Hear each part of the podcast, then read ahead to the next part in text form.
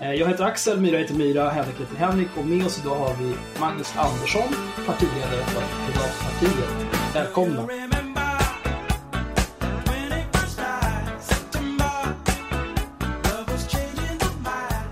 Eh, nästa fråga leder egentligen bara in till frågan efter det. Men den lyder, hur väl går dina personliga åsikter i linje med ditt partis politik på en skala 1 till 10? Och nästa fråga är då, vad vill du förändra med ditt parti och dess politik? Mm. Um. Jag utgår ifrån att ni har en demokratisk organisation och att du inte bara får göra vad du vill för att du är partiledare. Jag har en carte blanche. Jag kan göra vad jag vill. Då så. Ja, ja. Då går vi vidare. Nej, um, nej jag, jag, tycker faktiskt att vi har en väldigt bra politik. Uh, jag är uh, jättenöjd med det. Jag har ju givetvis jobbat väldigt mycket med den. Så att, jag menar, det är inte så att jag, jag liksom bara sitter och väntar på att någon ska leverera någon form av politik. Utan jag är ganska involverad i att ta fram den. Ehm, sen är det ju så att vi har vi har ett principprogram som vi utgår ifrån. Jag tycker det är väldigt, ett väldigt bra principprogram eh, generellt sett. Det kanske behöver breddas en aning men, men eh, normalt sett så tycker jag att, att eh, det absolut mesta som vi har åsikter om ryms inom vårt principprogram. Och det är ju så att även om vi har massa sakpolitiska ställningstaganden så är principprogrammet där vi stöder oss på. Vad skulle du säga att är dina personliga hjärtefrågor i det ni sysslar med? Mm. Um, är det något du brinner lite extra för liksom, och resten blir sådär, ja ja, vi måste ju ha någon åsikt om det här också. Nej, alltså jag, jag tycker att um, de, de områden som vi är, som vi har politik inom, som vi har sakpolitik inom, är um, väldigt bra områden att ha politik inom. Um, det finns en mängd utanför som vi inte har liksom bråkat så värst mycket med än så länge. Men vi växer så att säga organiskt beroende på att ju mer medlemmar vi får in som har åsikter om någonting så formar vi någon form av politik runt det.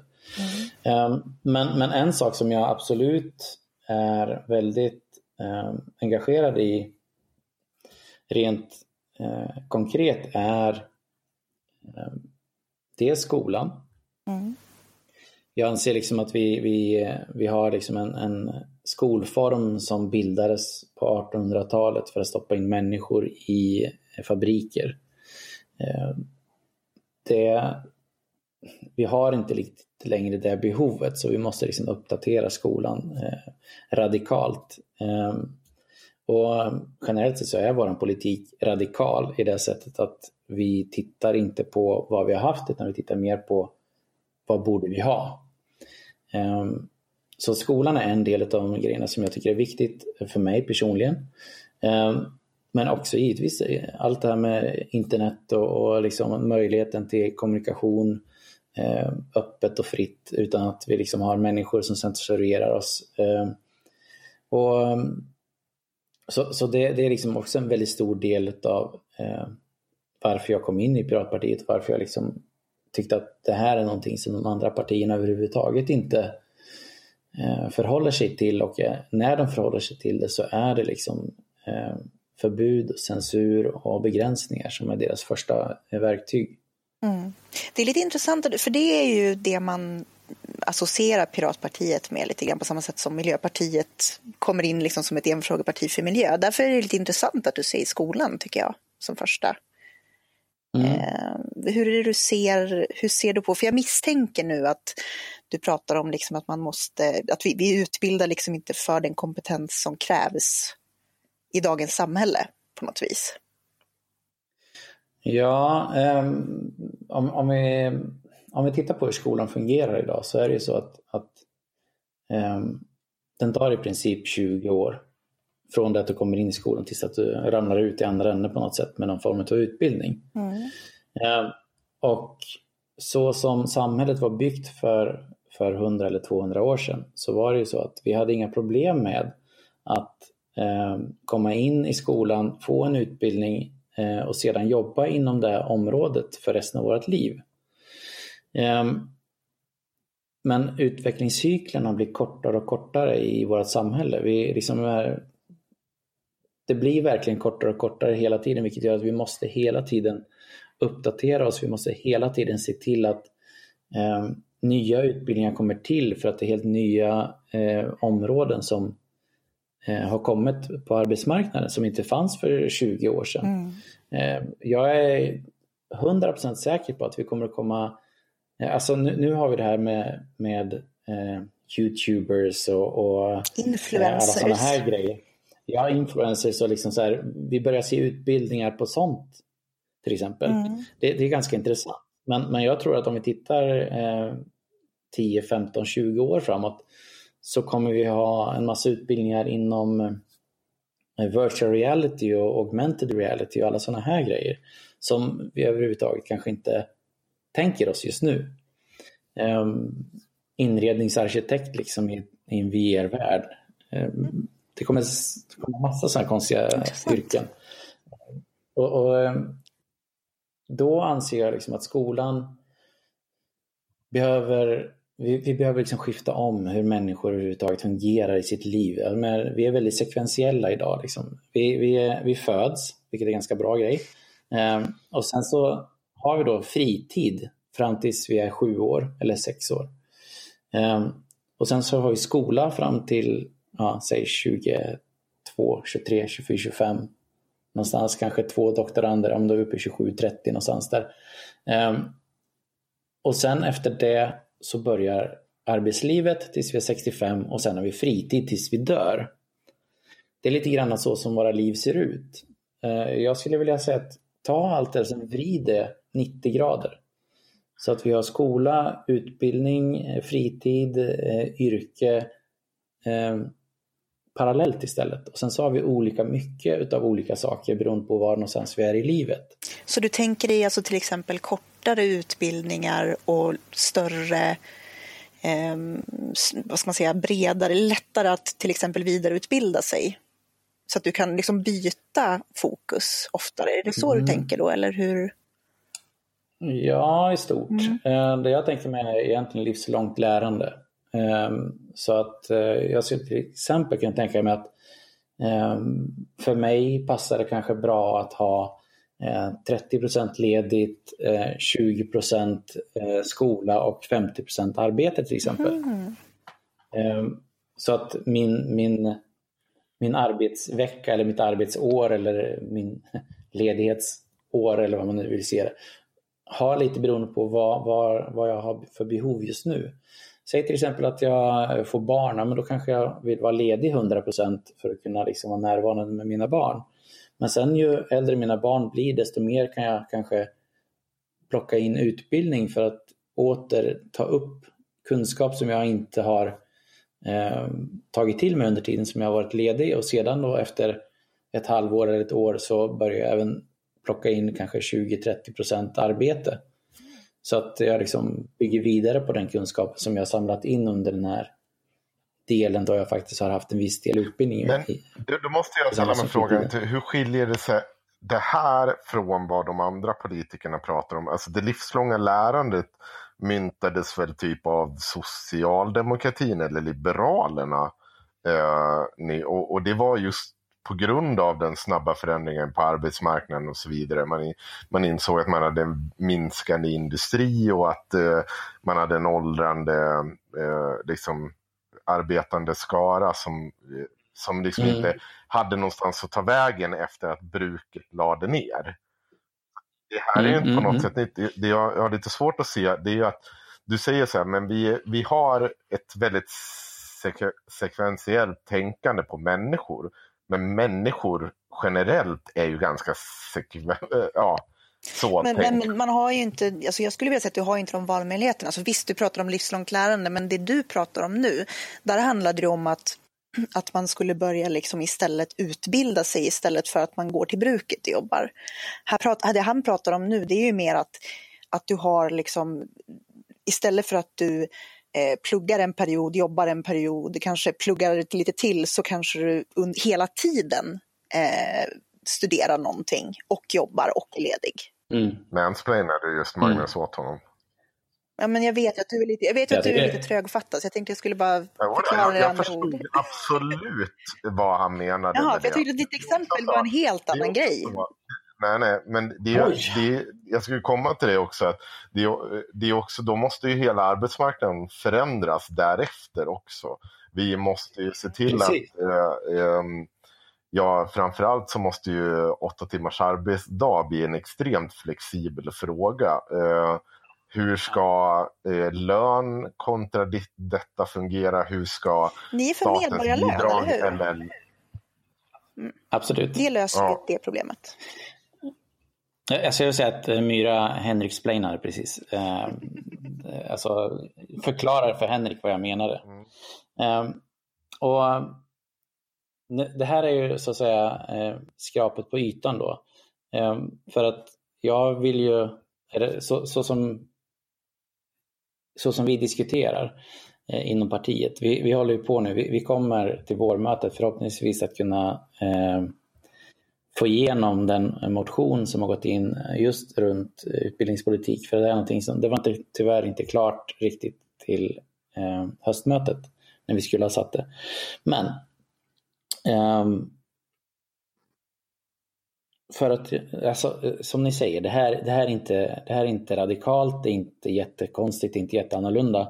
Uh, jag tror att Myra fattade lite mer än vad Henrik gjorde, liksom hur, hur jag, just det här att man, att man tar bort sekventialiteten i, i sitt liv och mera liksom kör det parallellt. Um, nej, och, nej, nej. Det är att jag ifrågasätter ditt Eh, alltså så här, jag, jag förstår tanken.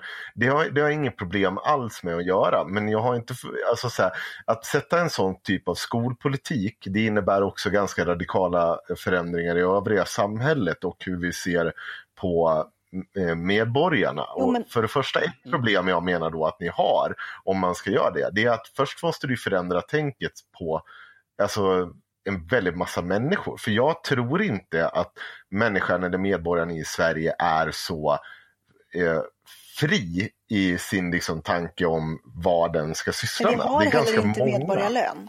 Alltså jag ser det jag, om, alltså... ja, men Myra, låt, mig, låt han svara, för nu, jag ifrågasätter inte det, jag ifrågasätter en partiledare här. Och jag då att eh, väldigt enkelt att för det första jag tror som sagt inte att medborgaren är så här alltså fri i sin tanke. Och visst, vi kan införa en medborgarlön. Det, det kommer såklart medföra en hel del andra saker som måste diskuteras. Och vi utgår ju någonstans från skolpolitiken. Det här är ju en omdaning av inte bara samhället. samhället ja. Det här är inte bara en skolpolitisk fråga för att det här är huvudet. Det, det är en enorm förändring av samhället. Ja, och jag är inte klar än. Ah, okay. um, det, här, det här var bara skrapet på ytan som ni fick just nu. Um, jag ska göra dig mer upprörd Henrik, du behöver inte vara orolig. Um, tank, tanken är liksom att, att vi behöver sluta upp att um, använda betyg. Um, och, och, det här då leder till ytterligare konsekvenser. Jag, jag håller med dig Henrik om att, att det här tänket runt hur vi ska ordna våra liv är någonting som slår igenom samhället, genom, i samhället på alla plan. Mm. Och samma sak det här nu slår igenom på alla plan inom skolan. Um, för jag, jag vill inte se betyg i skolan. Eh, av många anledningar. Men en, en väldigt tydlig del är att, att det är eh, någonting som existerar, eller det finns utrymme för tolkningar eh, när man ger ett betyg till någon. Eh, det, det finns liksom eh, eh, forskning på det här som kan visa liksom på att, att beroende på liksom hur privilegierad du är i samhället så får du olika betyg. Ehm, så det är, liksom, det är inget kontroversiellt på det sättet. Alltså att betyg är någonting som, som eh, beroende på hur din lärare ställer sig till dig så får du olika betyg även om det finns liksom väldigt tydliga eh, betygsgränser och så vidare så blir det ändå en, en viss personlig bedömning som kommer ske. Eh, så därför eh, så det är en av anledningarna till att jag vill ta bort betygen.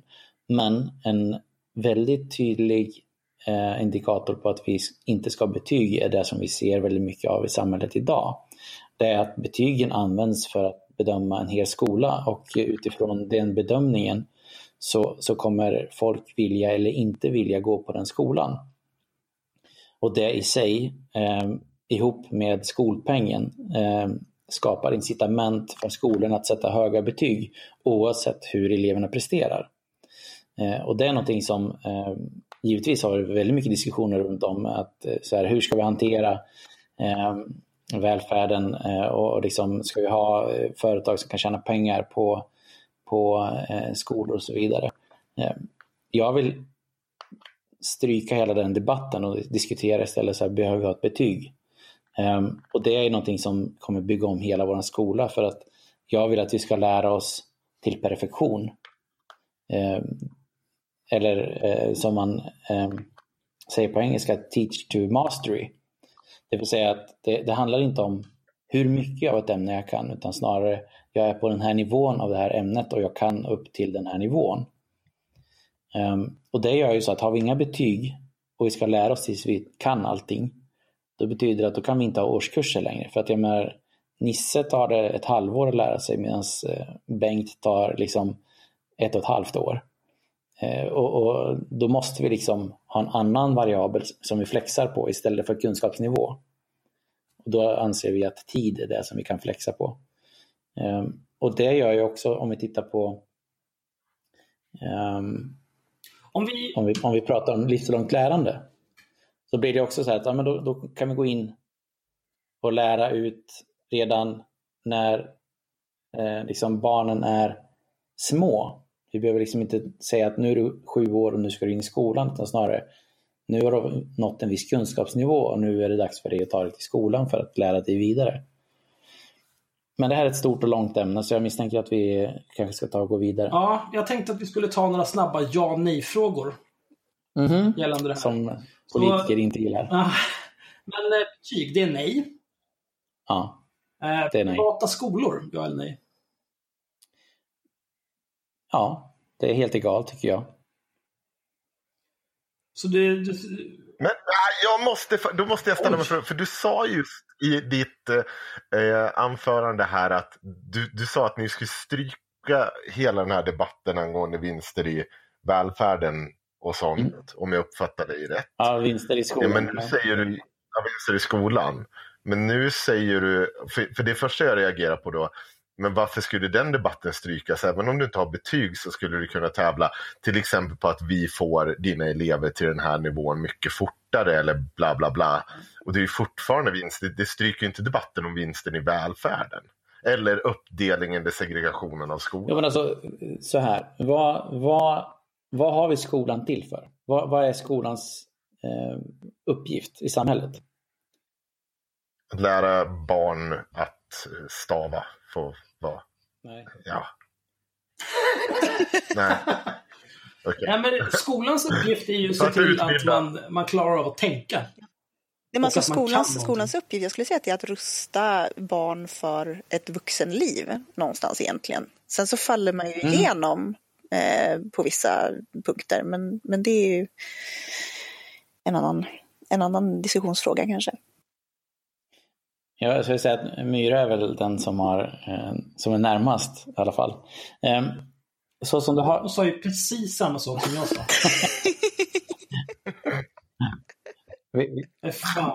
det spelas in, vi kan kolla upp det sen. Eh, så, här, eh, skolan eh, historiskt sett har varit till för att förbereda eleverna att bli arbetare. Att sätta, sätta liksom en, en, kunskapsnivå som gör att man blir alltså en, en nyttig medborgare, alltså någon som kan bidra till samhället. Eh, och det är någonting som eh, jag anser att skolan ska fortsätta med, den, den, senare delen. Alltså att man har kunskapen att kunna vara en, en an, liksom en, en, medborgare som, är, som kan delta i, i samhället och de diskussioner som finns. Um, och Det är en helt annan typ av eh, att rusta någon inför det kontra att rusta någon för att gå och ställa sig eh, vid en svarv. Eller eh, stå och montera liksom bilar eller vad det nu kan vara. Eh, för att det vi ser idag, och eh, men det här är ju, vi har ju någonting som kallas internet och, och det är otroligt omvälvande. Eh, och vi är bara i början på det som sker. Och vi har diskussioner diskussionen runt fake news och, och det här absurda att vi ska ha tidningar som ska gå in och klassa vad som är bra propaganda eller inte. Liksom. Eh, och vi behöver liksom rusta människor att hantera den informationsmängd som vi kommer att fortsätta att få till oss. Eh, och det liksom ser jag är skolans viktigaste eh, Eh, uppgift. Är liksom att dels ha möjligheter att bedöma om uppgifter verkar rimliga eller inte. En sån klassisk, eh, i och med att vi pratade om, om anställningar förut, en klassisk eh, grej man kan göra där är ju fråga liksom så här, hur mycket väger ett, eh, en Boeing 737 vid start? Eh, så här, bara för att se liksom så här, hur rimligt, hur, hur, hur duktig är den här personen på att göra rimliga bedömningar? Eh, och det är någonting som vi behöver liksom kunna lära oss att, att i, i, många ämnen då eh, kunna göra sådana bedömningar för att kunna liksom förstå vår omvärld på ett vettigt sätt. Så att vi inte eh, faller eh, för den här fake news eh, trenden som vi har eller utvecklingen som vi ser nu. Ehm, så vi ska kunna liksom hantera samhället som det är. Menar, vi, vi, kommer inte bli av med, med eh, information som är desinformation eller som är propaganda bara för att vi sätter liksom DN på att, att eh, kurera eh, nyheter för oss alla. Liksom. Eh, det är liksom åt fel håll. Vi måste rusta våra medborgare till att faktiskt kunna leva i den världen de är. Och där anser jag det jätteviktigt. Skolan har en jättestor uppgift. Eh, och framförallt så är det så att den skola vi har idag är den som ser till att elever som halkar efter kommer alltid känna sig efter och kommer bli klassade som dåliga. Så kommer liksom komma ut i samhället och må skit för att de inte lyckades prestera som alla andra. Och helt plötsligt så har vi liksom en, någon form av eh, skrap liksom som ingen vill ha.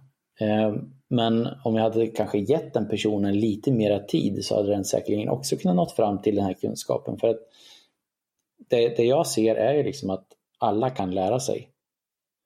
Eh, tittar vi på, liksom, säg för hundra år sedan och frågat någon liksom så här, hur många är det som kan bli litterära i, i, i världen? Hur många är det som kan lära sig att läsa och skriva? Så de kanske sagt ja men 20-30 procent kanske. Eh, och det är samma sak här, det, det handlar ju inte om ifall att en människa kan lära sig eller inte, utan det handlar om hur lång tid krävs det för att en människa ska lära sig någonting. Det är ju också med vilken metodik. Vissa Givetvis. lär sig lättast genom att göra, andra genom att se andra göra och så vidare. Men jag, jag tänkte, det, eh, två saker jag tänker på. Det, är, det här låter ju väldigt visionärt allting. Som att det här är liksom en mm. politik för eonerna. Ja, alltså... Men samtidigt så är det ju lite utopiskt. För liksom hur... Om du, om du skulle häfta mellan tummen och pekfingret, hur många årtionden eller århundraden tror du det tar? Säg att eh, Piratpartiet får 51 procent i valet i år och alla nästkommande år. Hur lång tid tar det innan det du pratar om nu är verklighet? Mm. Um, absolut, det, det, är en vision. Det är, det är, inte så att det här kommer vi gå till val på. Det, det, är liksom inte så att när vi får de här 51 procenten så kommer vi till nästa mandatperiod ha, ha etablerat det här. Uh, nej, nej, det, det, tror jag inte. För för jag menade inte att det var det du sa. Nej, nej, men, nej, nej. Men, alltså, jag, jag, men hur, hur lång tid mm. tror du att den här samhällsomvälvningen kommer ta? Ja, um, precis som, som uh, jag tror det var du som sa det tidigare också, att människor uh, har liksom ett liv som de har levt i. Och att ställa om människor tar väldigt lång tid. Jag anser att det här är ett generationsskifte som krävs. Så säg att varje generation är i snitt, jag vet inte vad det är nu, men jag vill säga att det är 30 år, så skulle jag säga att det är kanske um, två eller tre generationer. Så säg inom 100 år. Ja, ja det var ungefär min bedömning också. Ja. Men, men jag tycker å andra sidan eh, att det är bra att ha visioner, för det, det, tycker jag är något som saknas hos övriga partier. Mm. Och det, det, är jätteintressant. Jag menar, vi, vi har till exempel en vision om att, att eh, vi vill se öppna gränser. Och eh, det är väldigt många som bara så här, Piratpartiet, ja men de är för fri invandring, de kan vi inte rösta på, de är dumma i huvudet. Och bara säger nej, vi har en vision om öppna gränser. Det vill säga att i längden så vill vi se människor kunna röra sig mellan länder utan att liksom folk blir upprörda och börjar skjuta på dem. Eh, lite liksom där. Det, det, är liksom inte heller liksom en fyraårsperiod vi pratar om. Utan när Fråga samhället... öppnar vi alla gränser. Mm. Bara låt kaoset... Låt, let the chaos begin. Mm. Nej, men, precis. men det var ju det jag menade när jag sa att skolans uppgift är att lära folk att tänka. För att om någon säger min vision är att vi ska öppna gränser, då måste man kunna extrapolera utifrån det och förstå att då är vi i en period i mänsklighetens historia där krig inte är en grej, folk behöver inte fly. Resurserna är jämnt fördelade så folk har inga ekonomiska incitament att röra sig på samma sätt som idag. Och så vidare och så vidare. Liksom, det finns två sorters människor i världen, de som kan extrapolera från ofullständig information. Absolut. Eh, jag, tror inte att, att eh, det är exakta de kraven som behövs, men eh, det vi behöver är ett samhälle som kan hantera öppna gränser. Och givetvis är det så att jag menar, vi kan inte idag med det välfärdssamhälle som vi har idag eh, öppna våra gränser. Men det är väldigt många som vill eh, använda argumentationen eh, att vi vill öppna våra gränser idag när vi säger att vi har en vision. För problemet är att väldigt många människor förstår inte att Piratpartiet har visioner. För att de andra partierna de presenterar inga visioner. Det finns, alltså jag älskar eh, den, det tal som var under 50-60-talet. När man pratade flygande bilar och man pratade liksom bilar med, med eh, kärnkraftsreaktorer och en massa sådana här konstiga grejer som, som inte än har liksom etablerats. Men de, de visionerade, de, de liksom, men vi ska dit bort. Eh, Socialdemokraterna gjorde det också, liksom det här med vi ska ha folkhemmet och vi ska liksom, eh, all, alla ska ha sin, eh, vi ska liksom, alla ska med på något sätt. Eh, och, och, och, så här. Men de har ju tappat bort liksom hela det här visionära arbetet i sin politik, vilket gör att folk förstår inte skillnaden mellan vision och, och eh, praktiskt eh, politi politiskt arbete. Det skulle jag säga är en av baksidorna med internet. Att världen har ju i princip alltid sett ut så här och det har blivit bättre och bättre. Men skillnaden är att nu så fort någonting hemskt eller dåligt händer, då vet alla om det direkt. Och alla har en kanal där de kan kräkas ur sin obildade åsikt om det. Mm. Men det är för att vi är i gryningen av internet. Um, vi, vi, vi kommer att se Alltså jag är inte ett dugg orolig för till exempel eh, våra ungdomar idag. De, de, är, de har järnkoll, skulle jag vilja säga, på internet och liksom vad som är eh, rimligt och inte rimligt att lyssna på. Eh, jag är mer orolig för människor i min ålder och uppåt som inte har någon koll alls. Eh, som tror att allting som skrivs är sant Eh, för så har de upp, liksom blivit uppväxta. De har liksom fått liksom, Eh, en, en dagstidning i handen och så har de läst den och så har de liksom så här, jaha det här hände igår liksom och usch och fy och ja men vad bra. Eh, och så har det liksom blivit deras åsikt för att det liksom så här, man, man, köpte liksom en röd eller en blå tidning beroende på vart man var i det politiska lägret. Eh, och sen så var det liksom, man fick sanningen varje dag.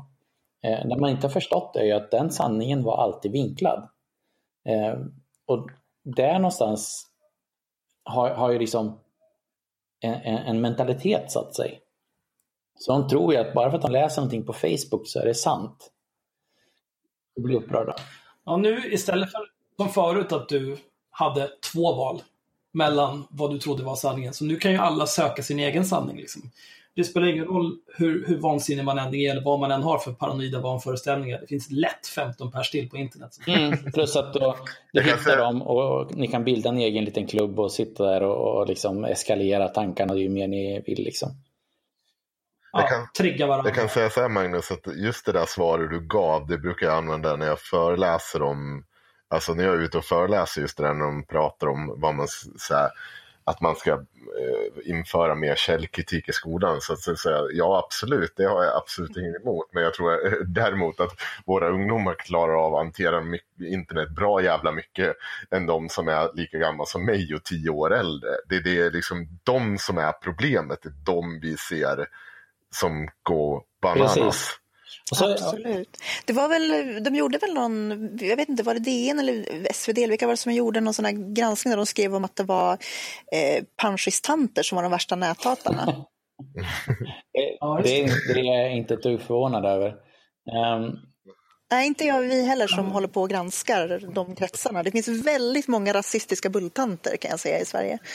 Märker man när man börjar jobba med IRM. Gammal har gått i pension och så är det ja, lite kortare. Men jag, jag, tänker så här, det är samma personer som satt och skrev eh, jättearga insändare förr i tiden. Bara det att förut fanns det en redaktör som tittade igenom de här arga insändarna och plockade bort de allra galnaste. Mm.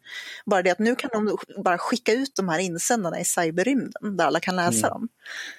Det är lite så. Ja, men okay. så är det. Och sen, det, jag, det jag också tittar på som väldigt många överhuvudtaget inte tänker på är det väldigt många inte liksom, det finns inte i deras vardag.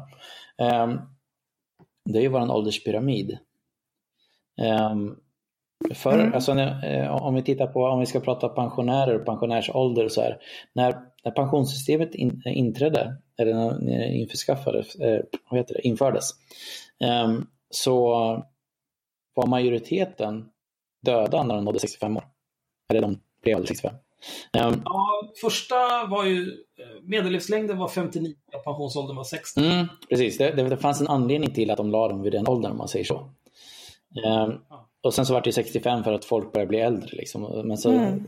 Sen har vi låst det vid 65 och så nu är ju folk, med snittåldern är 80, eller dödsåldern, vad heter det, eh, medellivslängden är till 81 år.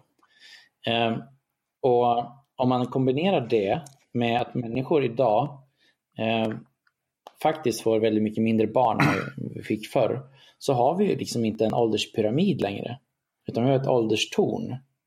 Där människor som är liksom yngre, eh, alltså 20 och neråt, är färre än vad de som är runt eh, 45 och, eh, och uppåt. Liksom. Och det här tornet blir högre och högre för att vi har en fantastisk medicin vilket gör att vi, vi lever längre och jag menar 100 år är inget konstigt längre. Och, och just det här är någonting som påverkar samhället något enormt. Eh, när, när folk då inte lever i ett par, två, tre år på pension och sen dör, utan de lever i ett par, två, tre decennier på pension och sen dör. Det skapar ju liksom enorma ansträngningar i, i vår välfärd. Eh, och I kombination med att de människor som ska bidra till det här är färre än de som faktiskt lever på pension, så skapar det här liksom jättekomplicerade system. Och därför till exempel så anser jag att vi bör gå bort ifrån ehm, eh, inkomstskatt till exempel. För att vi, vi, kommer, vi kommer se att människor som bidrar in i systemet med hjälp av eh, inkomstskatt kommer vara färre än de som tar ut pengar på andra sätt. Så att vi, vi behöver liksom hitta på andra system. Men och, nu är vi återigen... Eh, nej då, alltså, jag, jag tänkte mer att nu är vi mer på det här planet att det är liksom så här samhällsomvälvande förändringar som behöver göras. Men den här förändringen, just det här med den åldrande befolkningen, det är ju någonting vi kommer behöva lösa inom en ganska kort framtid eh, egentligen. Det finns ju liksom inte pensionspengar kvar till till kommande generationer på det sätt som det skulle göra, till exempel. Nej, alltså. Det här är ju någonting som har diskuterats nu, just det här med att höja pensionsålder och så. Ser du någon kortsiktig lösning på det? Alltså pensionssystemet som det är idag, alltså vi har ju en massa fonder och skit som, som eh, ska generera pengar.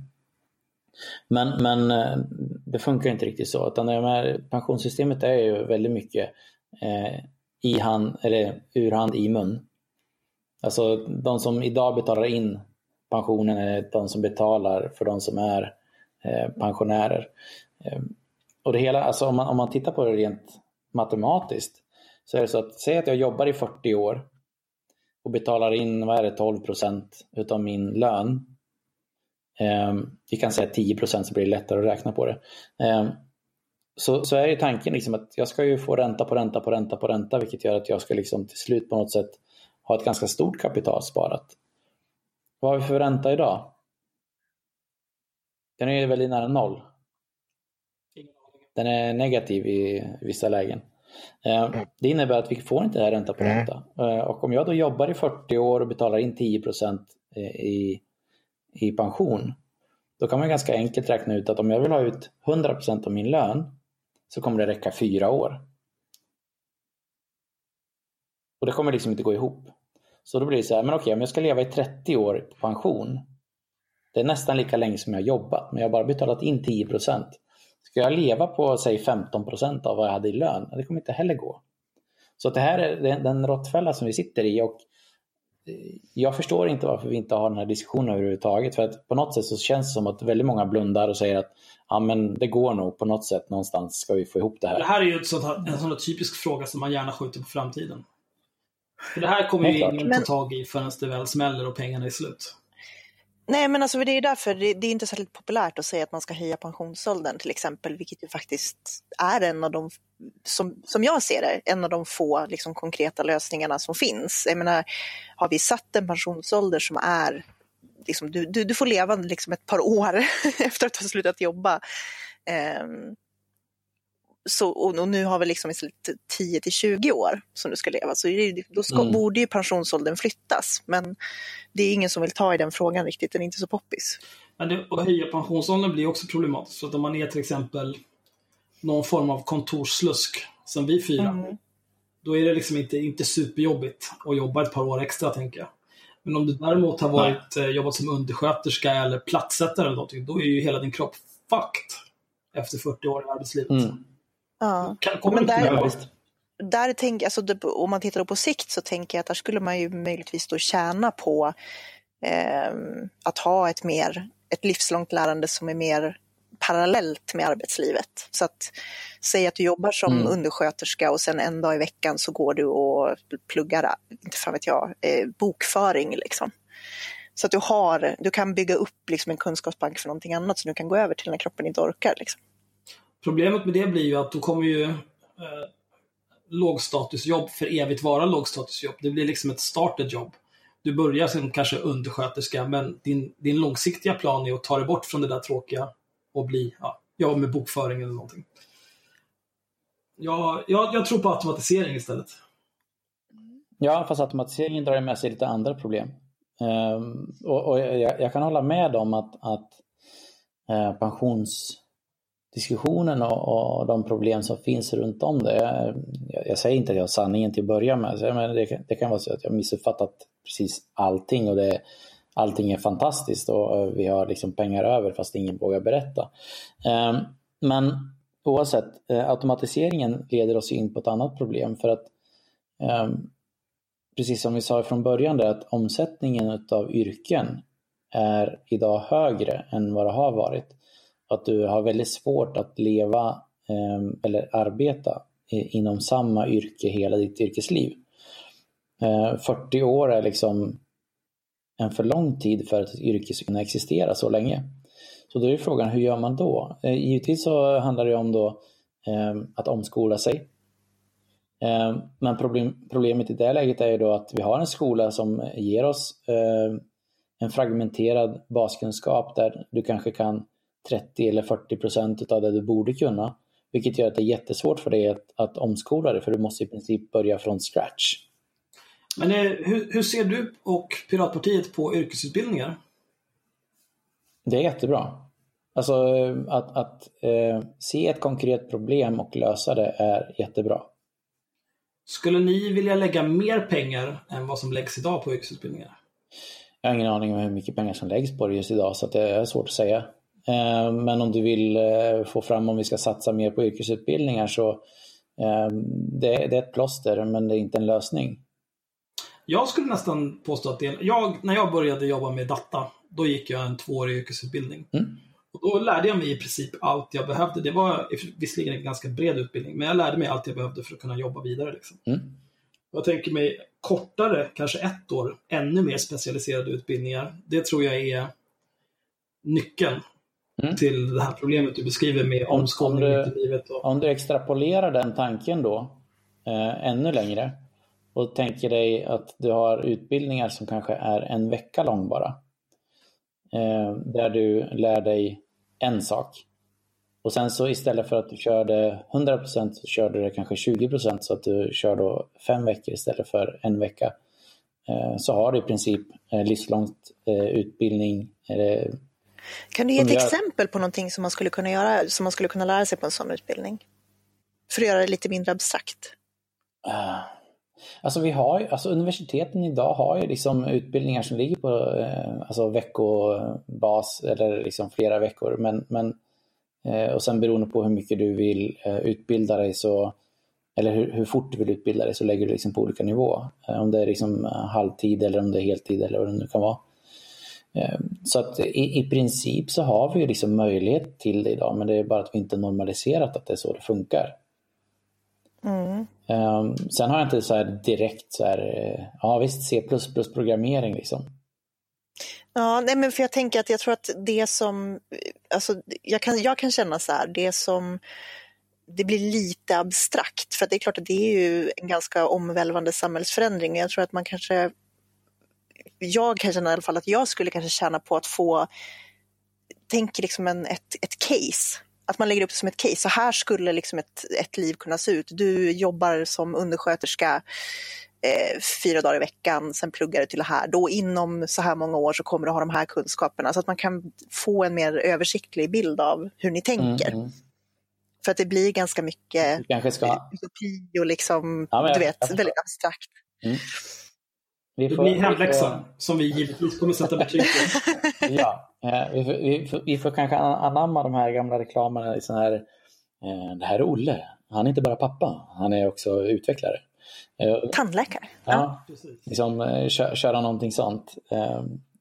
Ja, men jag tror, alltså det var det här jag, jag skulle komma in på. Nu, nu verkar vi liksom ha kommit så jävla långt ifrån den här listan ändå. Så mm. nu kan jag ta det här som jag funderade lite grann på tidigare. Mm.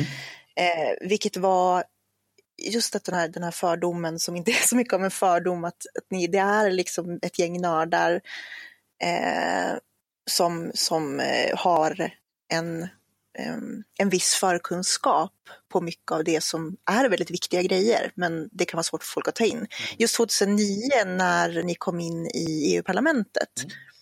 så lyckades ju ni väldigt bra eh, på de här, på IPRED, på FRA, eh, få folk att förstå att det här var liksom en viktig grej. Och jag funderar lite på hur ser ni på liksom att få människor som inte har den här förkunskapen att förstå hur pass eh, Alltså att konkretisera det. Jag tror, att, mm. jag tror att det är det jag kan känna med Piratpartiet, att ni är ganska dåliga på att konkretisera och få folk att kunna sätta saker i ett sammanhang. Hur jobbar ni med sånt? Hur tänker ni där? Ja, men det, det är helt korrekt. Alltså det, det är vår eh, absolut största utmaning att ta abstrakta, komplexa strukturer och förenkla ner dem så att människor kan liksom på fem sekunder förstå vad vi pratar om. Ehm, och det är jätteenkelt att, att prata så här eh, som Löfven går ut och liksom, eh, förra Almedalen var det väl, förra, så här, vi ska skapa 85 000 nya jobb. Ehm, och sen då eh, göra någon form av eh, satsning på de här, vad var det, det var ju, jag, jag tror, det blev 3000, 3000 eh, lärlingsjobb eller vad det var. Liksom. Så det, det, blev helt mm. misslyckat. Liksom. Men, men det, det går jätteenkelt att förklara för människor att vi vill skapa mer jobb. Eh, mm. Våra eh, viktigaste frågor eh, handlar ju väldigt mycket om digitalisering, om internet och, och framförallt maktförhållandet på internet. Ehm. Det här är perfekt, för nu kommer vi in på nästa fråga här. Vilka är de tre viktigaste frågorna för ditt parti inför höstens val? Mm. Det, är, det är lika bra att vi bränner av dem. Eh, nu blir det äh, inga jävla abstraktioner, äh, nu ska det vara hårda siffror. Även, ja, du, även om du har inte haft för lång tid på dig, för jag ska fan problematisera lite andra saker också. Så nu häver du ur de här tre. Ja, det, det, om vi släpper lös Henrik, gör det snabbt nu så släpper vi lös Henrik. Här, innan du gör det här så måste jag bara påtala en sak som jag reagerade och sa. Du, du, du var väldigt domedagsaktig i din beskrivning av pensionssystemet. Så jag var tvungen att gå och därför har jag varit så jävla tyst. För jag, vänta nu, det här köper jag inte. Eh, vi har problem med dagens pensionssystem, absolut. Och du, du pratade om räntan och så vidare. Men vi har ju också eh, andra typer av sparande. Jag har inte noll eh, kronor i ränta på mitt sparande pensionssystem. Men man kan vara kritisk mot att vi har gjort om pensionssystemet, vilket jag också är. Eh, det ska tilläggas. Men du, du, får det som att det skulle vara en domedagskrasch. Alltså vi har haft den här ökningen, en ganska stabil ökning på medelåldern i nu 30-40 år. Och pensionssystemet har ju uppenbarligen hängt med. Vi har ett pensionssystem som idag ligger på snitt runt 20 000 vad jag kunde ur, utfinna för våra pensionärer. Vi har en förhållandevis hög pension. Och ja, vi ser ju ett problem i samhället idag med eh, pensionerna, alltså att vi måste jobba längre för att hålla, hålla ihop systemet. Absolut. Men att det skulle krascha och att ingen talar om det, det köper jag inte. Det är lite, jag skulle nästan likna det vid det fria, eh, vad heter det, partiet Det Frias domedagstankar kring eh, det liksom monetära systemet som Karl Norberg sitter och kör rappakalja mm. om dagarna ända. Fast jag, det, det är liksom... fast jag har ju hört exakt samma sak. Alltså jag, när jag jobbade på, vem är det, vem, vem är det som gör att jag ekar? Det är Henrik som ekar. Va? Ja. Okej, okay. ja, jag kan luta mig bakåt och se ja. om det blir bättre. Ja, du, du, du ja. så du, nej, jag ekar fortfarande. Ah, nu jag. Tack. Eh, nej, men det här var ju, eh, när jag jobbade på Ipsos så gjorde vi en eh, europeisk, en EU-finansierad studie mm. som just handlade om det var ju, det var ju EU-pengar som låg bakom den. Den gjordes i typ, det var, det var, flera, det var typ flera år sedan jag jobbade där nu, men säg att det gjordes i typ 40 länder eller någonting, där man tittade på just effekten av åldrande på människor. Därför att man över hela Europa har exakt samma problem med att vi har en åldrande befolkning, det vill säga att de, de som är, gruppen som är i pensionsålder blir stadigt större och gruppen som liksom fyller på underifrån blir mindre. Det kommer ju alltid att bli ett problem för att systemen inte balanserade för det. Men det var exakt det jag sa, att det finns en or, ett orosmål med att om man börjar diskutera den ökande, ökande pension, pension, pensionsåldern.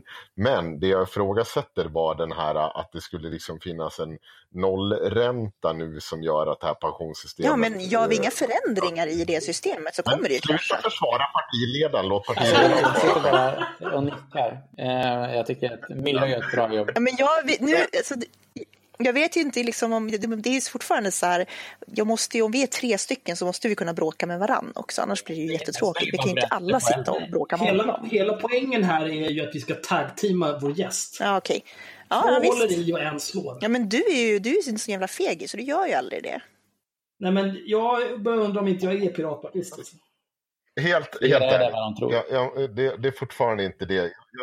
Vi är rörande överens om att det finns ett problem med den åldrande mm. gruppen människor. Där är vi överens. Jag är bara inte överens med den domedagsretorik Vill du att jag ska uttrycka mig lite mer nyanserat? Är det det du säger? Nej, jag vet inte. Jag bara håller inte med om att det är så jävla svart eller vitt. Jag säger att jag tror att man kommer behöva göra ganska stora förändringar. Eh, dels med höjd pensionsålder, mm. det är ju ingen som gillar att höra det. Men eh, man kommer behöva göra det.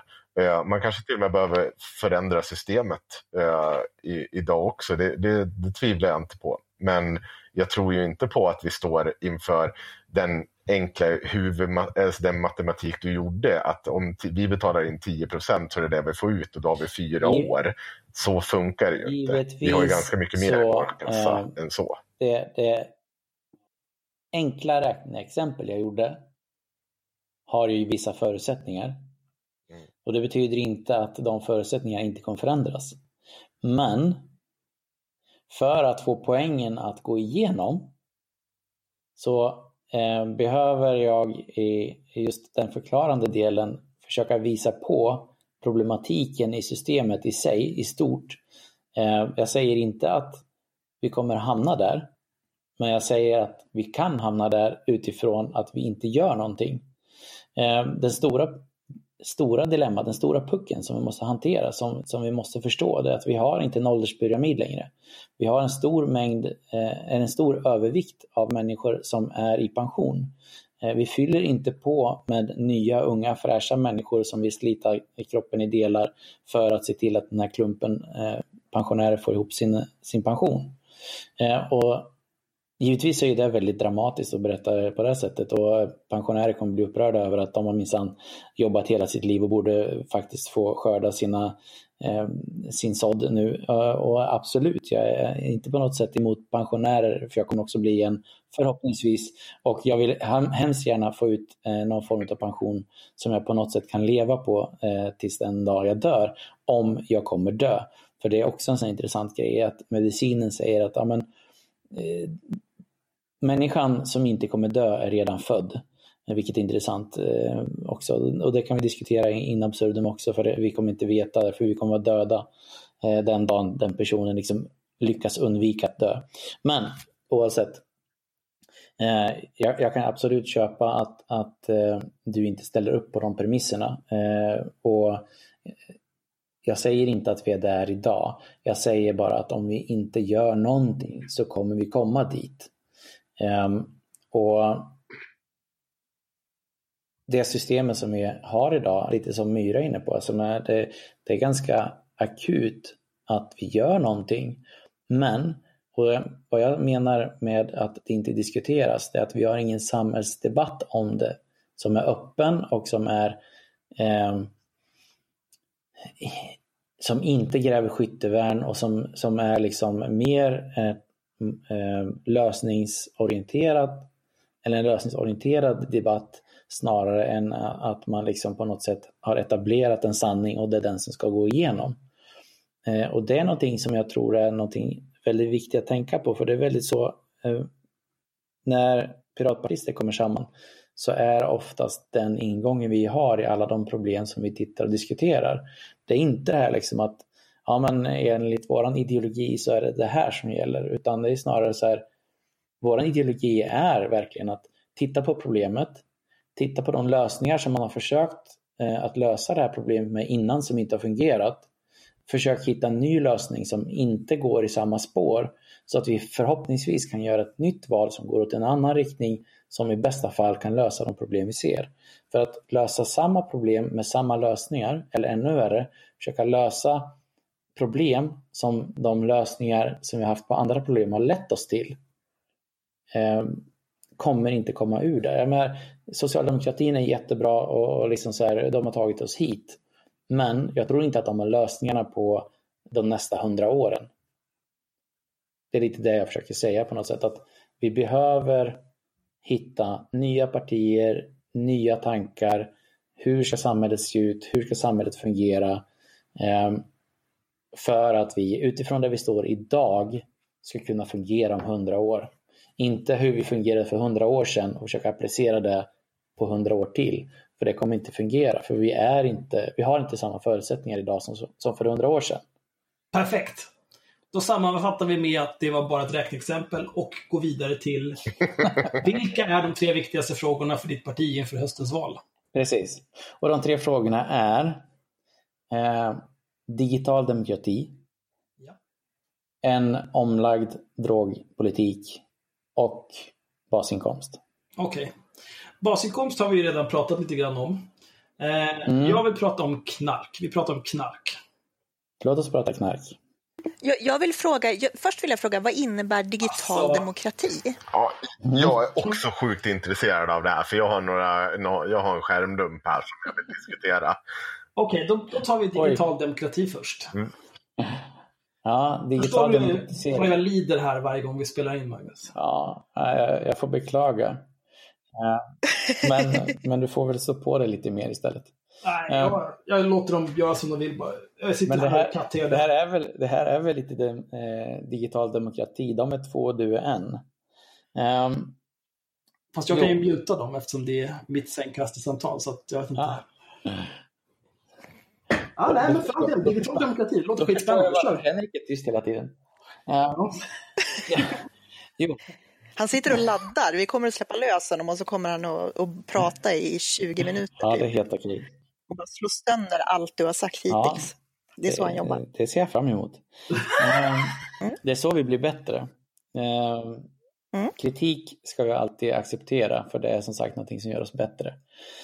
Um, jo, um, digital demokrati. Det är ju så här att vi, vi eh, lever ju i en värld som både är fysisk och digital idag. Eh, vi är på väg in i en mer digital värld än en fysisk värld. Eh, där livet sker väldigt mycket fysiskt men också extremt mycket digitalt. Men om vi tittar på våra rättigheter rent digitalt så är de allt mer begränsade. Vi ser mer och mer hur de lagförslag som läggs eh, riktar sig till att eh, riksdag och regering vill bestämma hur vi ska fungera på internet. Hur vi ska få till oss information och hur den informationen ska spridas och så vidare. Hur eh, kultur... Kan du ge några exempel på det? Alltså all, all form av, eh, vi, vi, kan ju ta det senaste nu med, med eh, ehm, att, att eh, vissa journalister ska ha tillgång till information som inte alla andra har. En grundlagsförändring som, som eh, de vill göra nu. Att eh, vi ska eh, starta någon form av eh, sanningsministerium som ska berätta för alla andra vad som är sant och inte sant. Eh, det är en extremt olycklig utveckling och det är någonting som vi absolut inte ska acceptera. Ehm, för det är ju så att internet har den fantastiska och samtidigt den extremt dåliga egenskapen att alla människor i stort sett kan komma åt all information. Eh, och det är någonting vi ska fortsätta tillåta. Ehm, det vi behöver jobba med är givetvis eh, de här ehm, bullätande pensionärstanterna som sitter och hatar på nätet för att de inte förstår bättre. Eh, de kommer ju dö ut men som vi har sagt så eh, folk lever längre än vad de någonsin gjort. Eh, så vi får kanske stå ut med det ett tag till. Men, men framförallt så, så handlar det om liksom att inte se den digitala världen som en separat del ifrån Eh, resten av världen. Utan den fysiska och den digitala världen är väldigt ihopvuxen och ska och kommer till slut att fusioneras ihop helt. Eh, med hjälp av VR och augmented reality och alla sådana här saker som kommer att komma inom de närmsta 10-15 åren så, så kommer vi se liksom att, att äh, människor kommer att ha svårt att särskilja vad som är digitalt och inte digitalt. Ähm, och om vi då sätter upp lagar som sär, eh, särhantera de här två världarna så, så har vi stora problem med att eh, faktiskt fungera som samhälle. Eh, vi kan inte ha eh, grupper som bestämmer vad vi ska och inte ska få ta del av. Vi har till exempel, eh, om vi tittar på det här med, med att eh, skicka budskap eh, på nätet, att man har då folk som avlyssnar. Eh, det tillåter vi inte i den fysiska världen. Om jag skickar ett brev så får ingen gå in och titta i det brevet. Om jag skickar ett paket så får ingen öppna det paketet. Men om jag skickar någonting på nätet så Eh, inte bara är det tillåtet utan vi har liksom en, en stat som gör det aktivt hela tiden. Vi har, och inte riktat utan bara drevar. Ja, de tar allt. Alltså, istället för att vi tidigare gick till en specifik person och tittade på den personen. Så nu så har vi ju alltså då eh, att de trålar efter saker som inte är okej. Okay. Eh, och försöker liksom då hitta saker som eh, de kan jaga efter människor med. Och det här är ett jätteproblem för att vad som händer är att vi, vi eh, förlorar eh, förtroendet. Eh, jag, skulle, jag skulle säga att staten har redan förlorat förtroendet för invånarna. Eh, än så länge så klarar de sig för att invånarna fortfarande har väldigt mycket förtroende för staten. Men när det här kommer att bli allt mer separat eh, så kommer vi få ett jätteproblem. Eh, och mm, det här är liksom en utveckling som vi ser och det är återigen, alltså om vi pratar om visioner och mål och, och så vidare, så ser vi att det här kommer i en förlängning av framtiden att ske. Um, vi har Kina som ett jättebra exempel eh, där de då pratar om att ja, men vi ska eh, sätta betyg på människor utifrån de betygen så får de olika eh, eh, tjänster i samhället. Vissa människor får inte åka tåg, vissa människor får inte flyga, vissa människor får inte lämna landet beroende på vilket betyg de har. Eh. så jag, jag, måste erkänna att jag är lite lockad av det systemet. Ja, det, det är ju så. För att så, så, länge man inte, så länge man ligger på plusskalan, när man liksom mm. är då den här privilegierade vita medelålders mannen, så, så mm. är det ju inga bekymmer. Och det är precis det som är grejen. Nej, eh, det är lite grann den här att man har ingenting emot avlyssning. Den som har rent mjöl i påsen har inget att dölja och så mm, Och det är det sämsta argumentet som finns. För att om du bedömer att din påse är ren, eller ditt mjöl är rent i din påse, så är ju det helt irrelevant För det är utifrån vem som tittar på ditt mjöl eller vad du gör som bedömer om det du gör är okej okay eller inte. Ta nu en sån här intressant sak. Vi pratade om att Piratpartiet skulle få 51 procent i, i, i, höstens val. Eh, ta tanken istället att Sverigedemokraterna får 51 procent.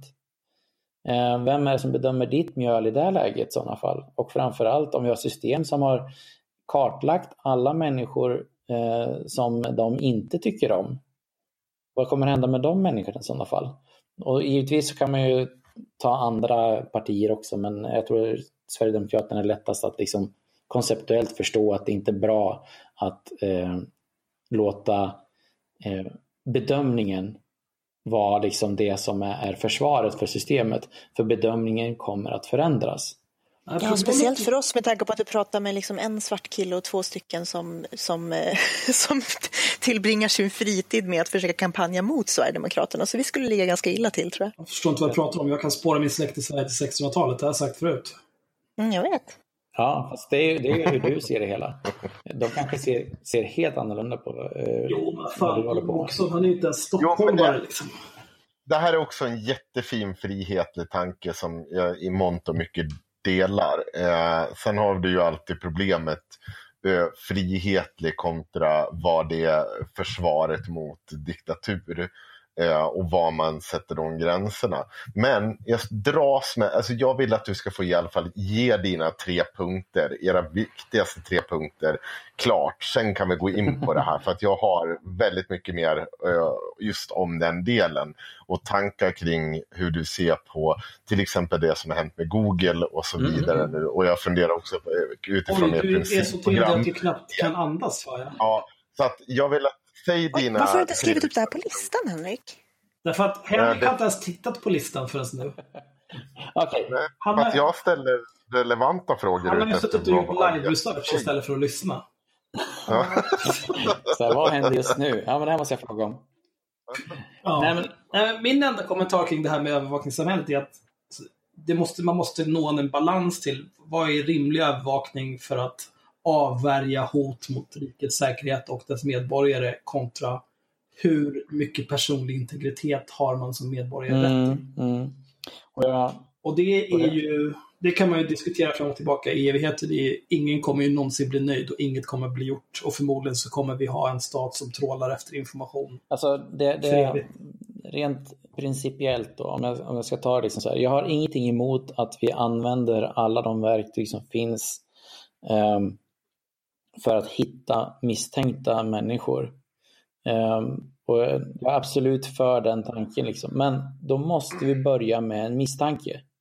Vi kan inte misstänka alla människor i hela Sverige och sen försöka hitta de som passar in mot misstanken. För det vi har gått är att vi har det paradigmet att alla är oskyldiga tills dess att motsatsen bevisats. Det paradigmet har skiftat över till att alla är misstänkta tills dess att misstanke har stärkts. Och det är jättestort. Men ingen har överhuvudtaget diskuterat den frågan. Eh, och det är det som sker när vi massövervakar. Ingen är oskyldig, för vi har definierat människor som eh, ska övervakas som misstänkta. Vi ska inte övervaka människor som inte är misstänkta, för om vi har ett samhälle där alla, är alla övervakade så kommer det ske förändringar i hur vi agerar som människor. Framförallt när vi inte vet vad det är som de som övervakar registrerar om oss. Eh, och det här är ett jätteintressant problem för jag, jag är by definition eh, en av dem som de förmodligen skulle vilja lyssna på för att jag har en massa dissidentidéer om hur samhället bör se ut och hur det ska fungera. För det är ju så att samhället kommer aldrig utvecklas så länge de som har makten bestämmer om hur samhället ska se ut. Eh, de som har makten har alltid intresset att behålla status quo. Det vi säger är att vi vill få makten att ge tillbaka makten till folket. Det vill säga minska eh, omfånget på stat och omfånget på dess övervakning så att människor kan leva ett mer frihetligt eh, liv och kunna faktiskt slänga ur sig eh, tankar som inte är genomtänkta utan att hamna i ett register över människor som har konstiga tankar som vi måste följa. Eh, och det är någonting som är fundamentalt viktigt i samhället för att vi ska kunna få en utveckling på demokratin och samhället i stort. Ja, bra, nu fick vi fram nästan lite konspirationsteorier, det gillar jag. Mm. Jag var, in, jag var inte över strecket, men det är jätteviktigt att förstå att vi måste acceptera dissidenter i samhället. Ja, absolut. Det är det man inte gör i Kina.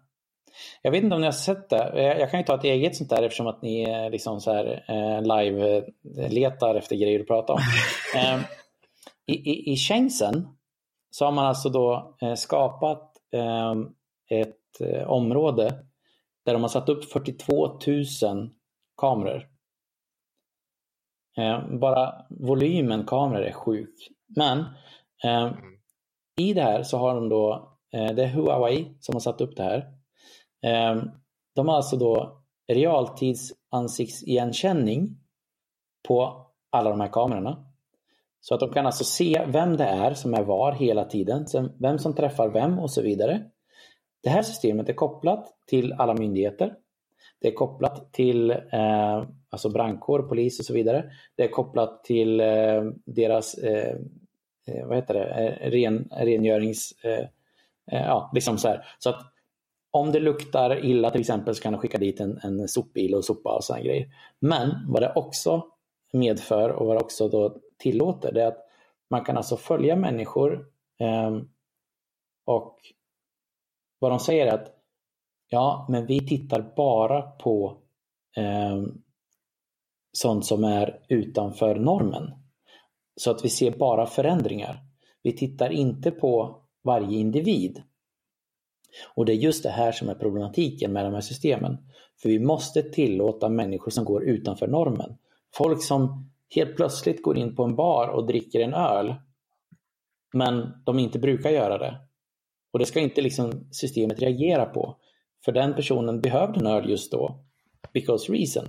Men om vi vet om att det här sker så kommer vi inte göra det. Samma sak som att om tio personer som är registrerade i systemet att vara liksom då eh, fientliga mot staten på något sätt, om de träffas ute öppet på ett torg så kommer det vara väldigt rimligt att skicka dit polisen för att fråga varför står ni här och pratar för ni tio mitt på torget?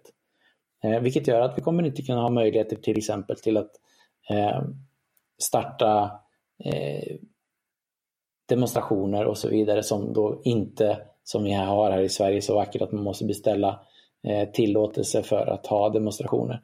Alltså, och det, det är någonting, man, det är ett jätteproblem. Man behöver egentligen inte dra det så långt. För att alltså, om du har ett sådant system, även om du tittar på allt, så har du, du har kapaciteten att titta på allt. Du har mm. möjligheten. Så det spelar, man behöver liksom inte dra det egentligen så långt som du gör. Utan det är ju ett problem i sig redan, särskilt i en stat som Kina.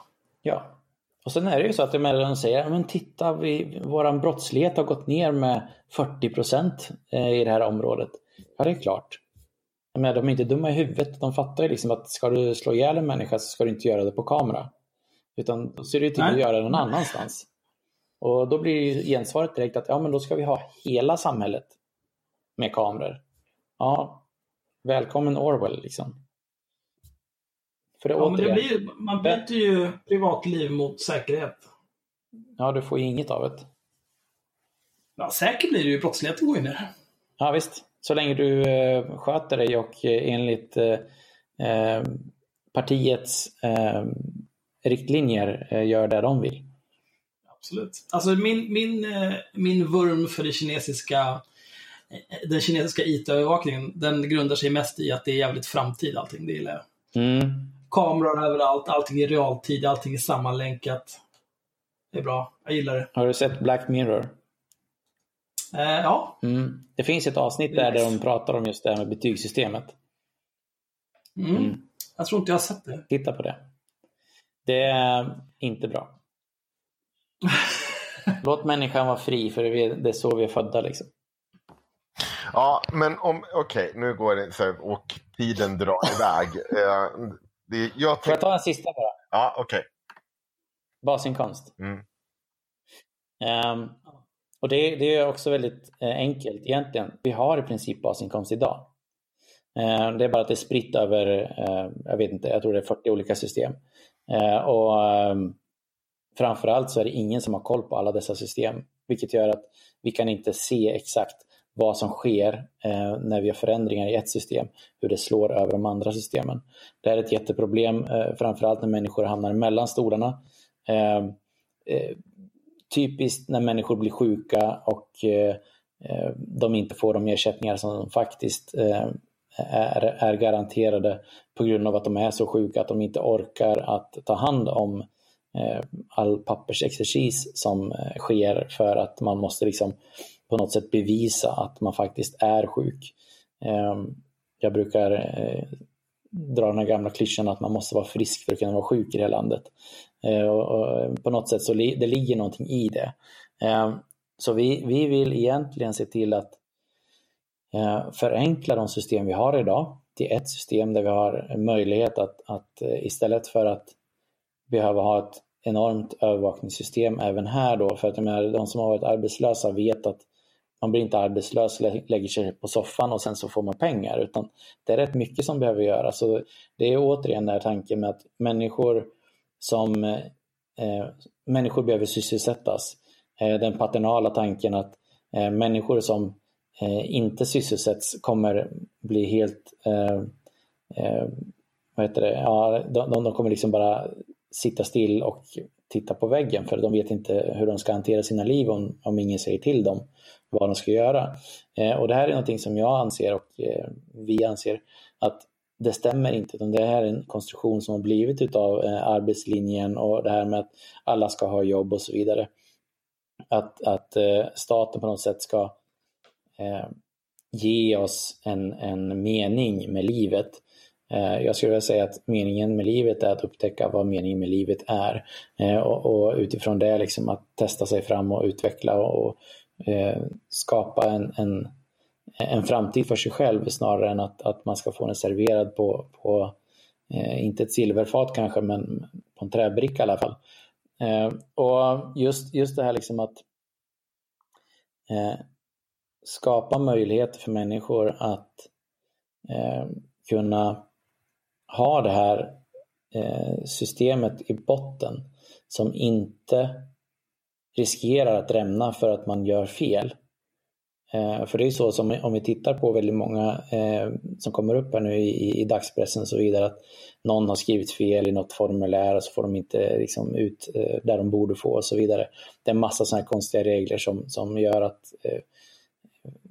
våra myndigheter sitter och jagar människor som gör fel för att slippa betala ut pengar. Bara liksom det är ju en, en helt makaber situation. Eh, och ett jättetydligt tecken på att eh, vår välfärdssystem inte fungerar som det borde göra. Och därför säger vi att förenkla det ner till den nivån att vi kan ha ett system som hanterar allihopa vid en viss nivå. Och det vi tittat på generellt sett är då en, en negativ inkomstskatt, det vill säga att när du tjänar för lite pengar, det vill säga att du betalar in för lite skatt, så kommer du få tillbaka pengar istället. Ehm. man kan, kan man sammanfatta det då med att ni vill avskaffa alla bidragsbetalande myndigheter? Inte och alla. istället ersätta det med en, någon form av institution som betalar ut pengar? Ja, institutionen finns redan. Det är Skatteverket. Um, ehm, okay. Så det tror jag inte att vi... Så, ja, just det. Negativ inkomstskatt. Ja, det är i alla fall ett, ett förslag som, som ligger just nu som, som Christian Engström som har räknat på det här i, eh, som våra före detta EU-parlamentariker. Jag skulle precis fråga det där. Mm. Har ni räknat på det där? Ja, vi har ju gjort det och vi har kommit fram till. Vad blir eventuella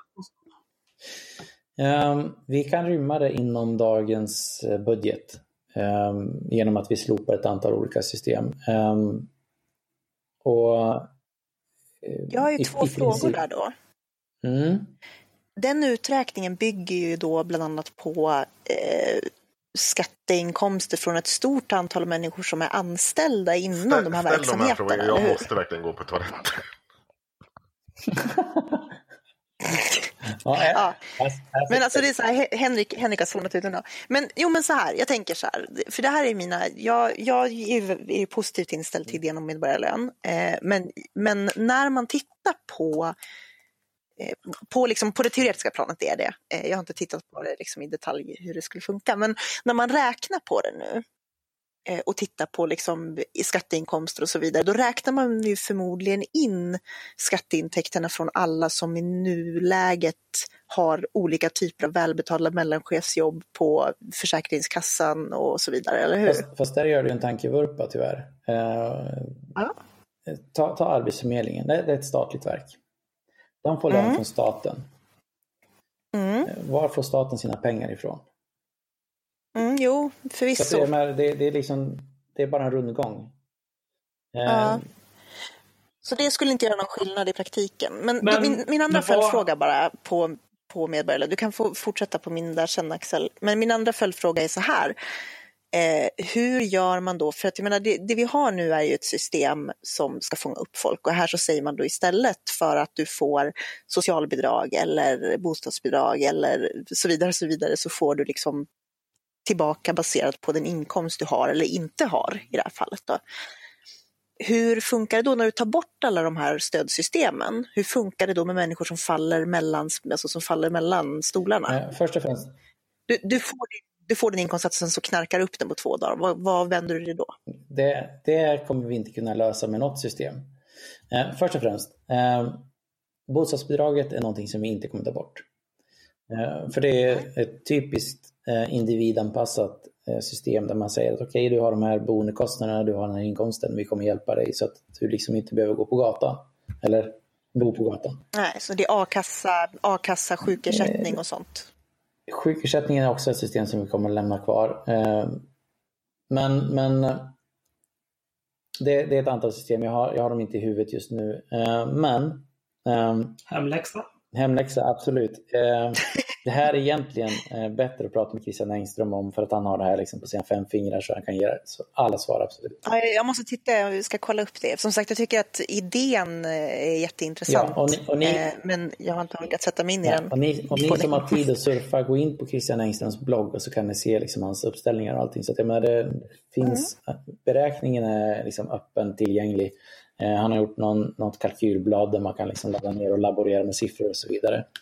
Så att, oh, en Excel-snurra. Mm, så att det, det, liksom, det, finns möj, det finns möjligheter att liksom pilla med det här lite. Um, mm. så, så det är en sak. Liksom så här. Um, den här kan vi länka till till våra lyssnare mm, också. Absolut. Det är bra, för jag hittade den. Och så får ni, ni får gärna plocka in om ni vill ha ett enskilt eh, avsnitt om just basinkomst. Plocka in Christian så kommer han förklara allt. Prata ekonomi i två timmar, nej tack. ni kanske kan... Jag skulle tycka att det var intressant. Ni kanske kan men, äh... något. Kan ju du sitta här själv jag Axel dyker av någonstans. Ja, ja, men jag, jag, kanske kan ringa upp honom själv. Får jag, får jag, får jag bara ställa frågan, eh, är, är, ni klara nu så att jag kan få ställa ett par frågor som kanske är lite mer aktuella? Ja, release the kraken. För svensk politik eh, snarare än att eh, det sker en helt eh, efterbliven massövervakning i Kina. Inte för att jag inte tror att det sker en form av massövervakning i det här landet heller, men inte på samma nivå i alla fall. Det är en normalisering det är ju, som sker. Jag, ja precis, det är det sluttande planet mm. eh, vill jag hävda att du eh, hänvisar till här. Men vi, vi tar här ett aktuellt eh, exempel och det är du som då twittrar i eh, lördags, tror jag det här är. Och du hänvisar då till eh, vår eh, egen lilla gullekille Aron Flam. Aron Flam skriver så här, problemet idag är alltså att Google ska införa ett isolerat svenskt internet, inte Hanif Bali. Det Hanif Bali gjort kanske är omdömeslöst. Det Google sysslar med är fascism hashtag prioriteringar. Och du då skriver exakt, när ska vi se samhällsdebatt som faktiskt handlar om det som är viktigt i längden? Ja, visst, Hanif Bali gjorde något dumt. Hur länge kommer det påverka svenskt samhälle egentligen? Kontra krav på ett nu ska jag vara rättvis för det, ehm, eh, kontra ett filtrerat internet eller ändrade grundlagar. För det första vill jag poängtera att jag tror inte att svensk media är ett nollsummespel i den här frågan som du får lite att framstå. Ett dygn efter att nyheten lanserats.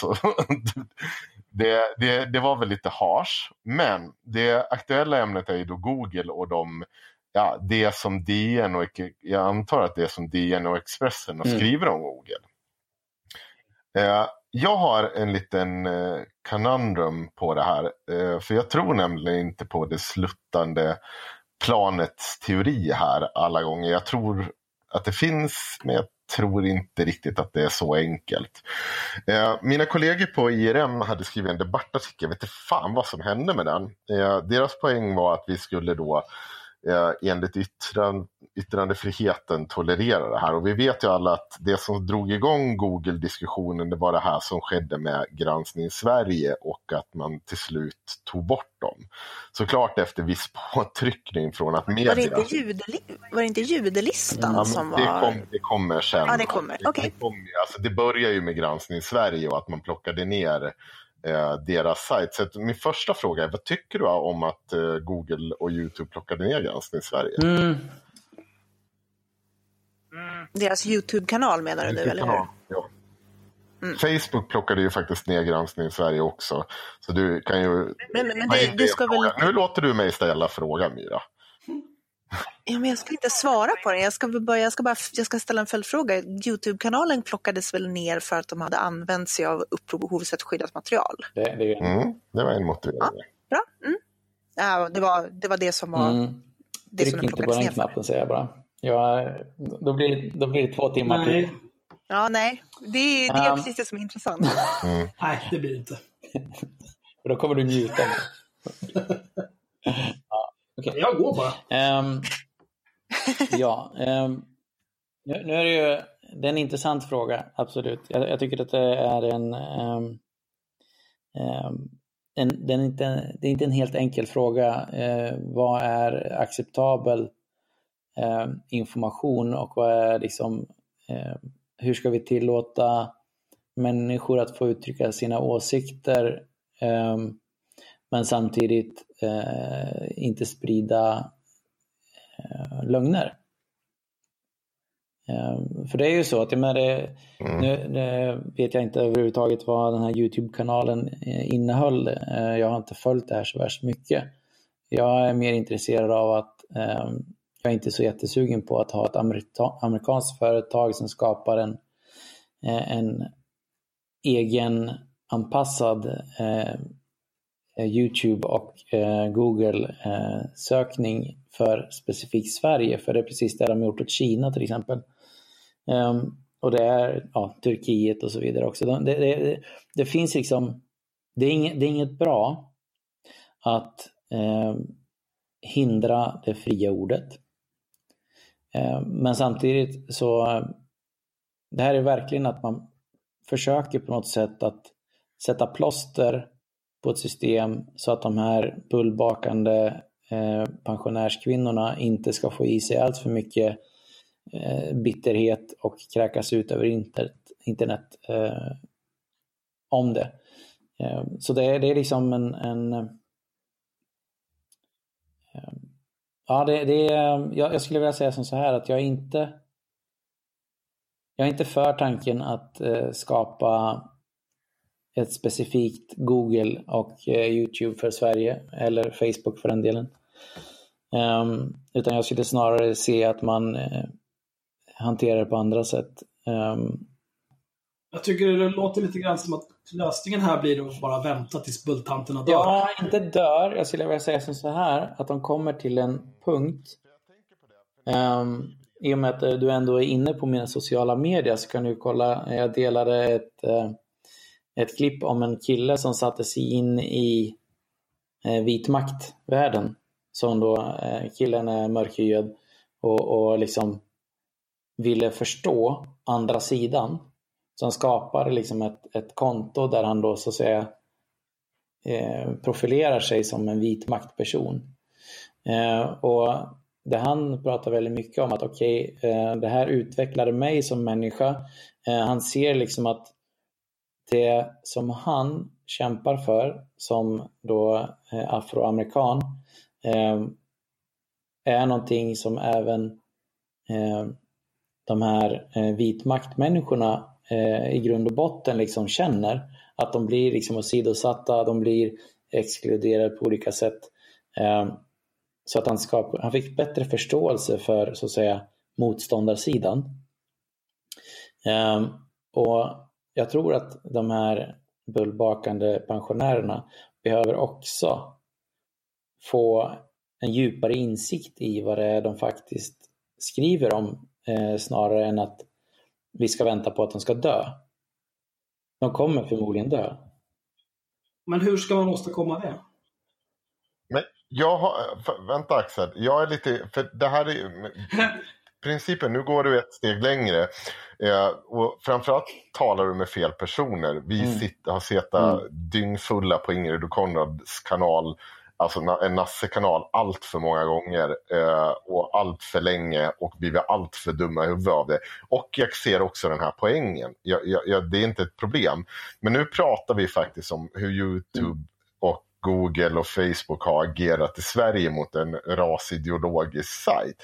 Och då tänker jag, så här, då återknyter jag till ert principprogram där ni pratar om rättssäkerhet och det här tycker jag är intressant. Ni skriver så här, genom god rättssäkerhet säkerställs möjligheten för människorna att delta i samhället. Rättssäkerheten skyddar människor och nätverk från övergrepp från staten och andra makthavares sida, eh, sida. På så sätt garanteras allas möjlighet att delta i samhällslivet utan, fruktan, eh, eh utan att frukta repressalier från olika makthavare. I ett rättssäkert samhälle ska ingen övervakning utan proportionerlig misstanke, häktning, ska kunna ske under humanitära former och inga lagar som närmar sig tankeförbud ska uh, förekomma. Utan rättssäkerhet så inskränker människor sitt handlingsutrymme därför att de fruktar uh, orättvis behandling från makthavare, en behandling de inte kan bestrida utan rättssäkerhet.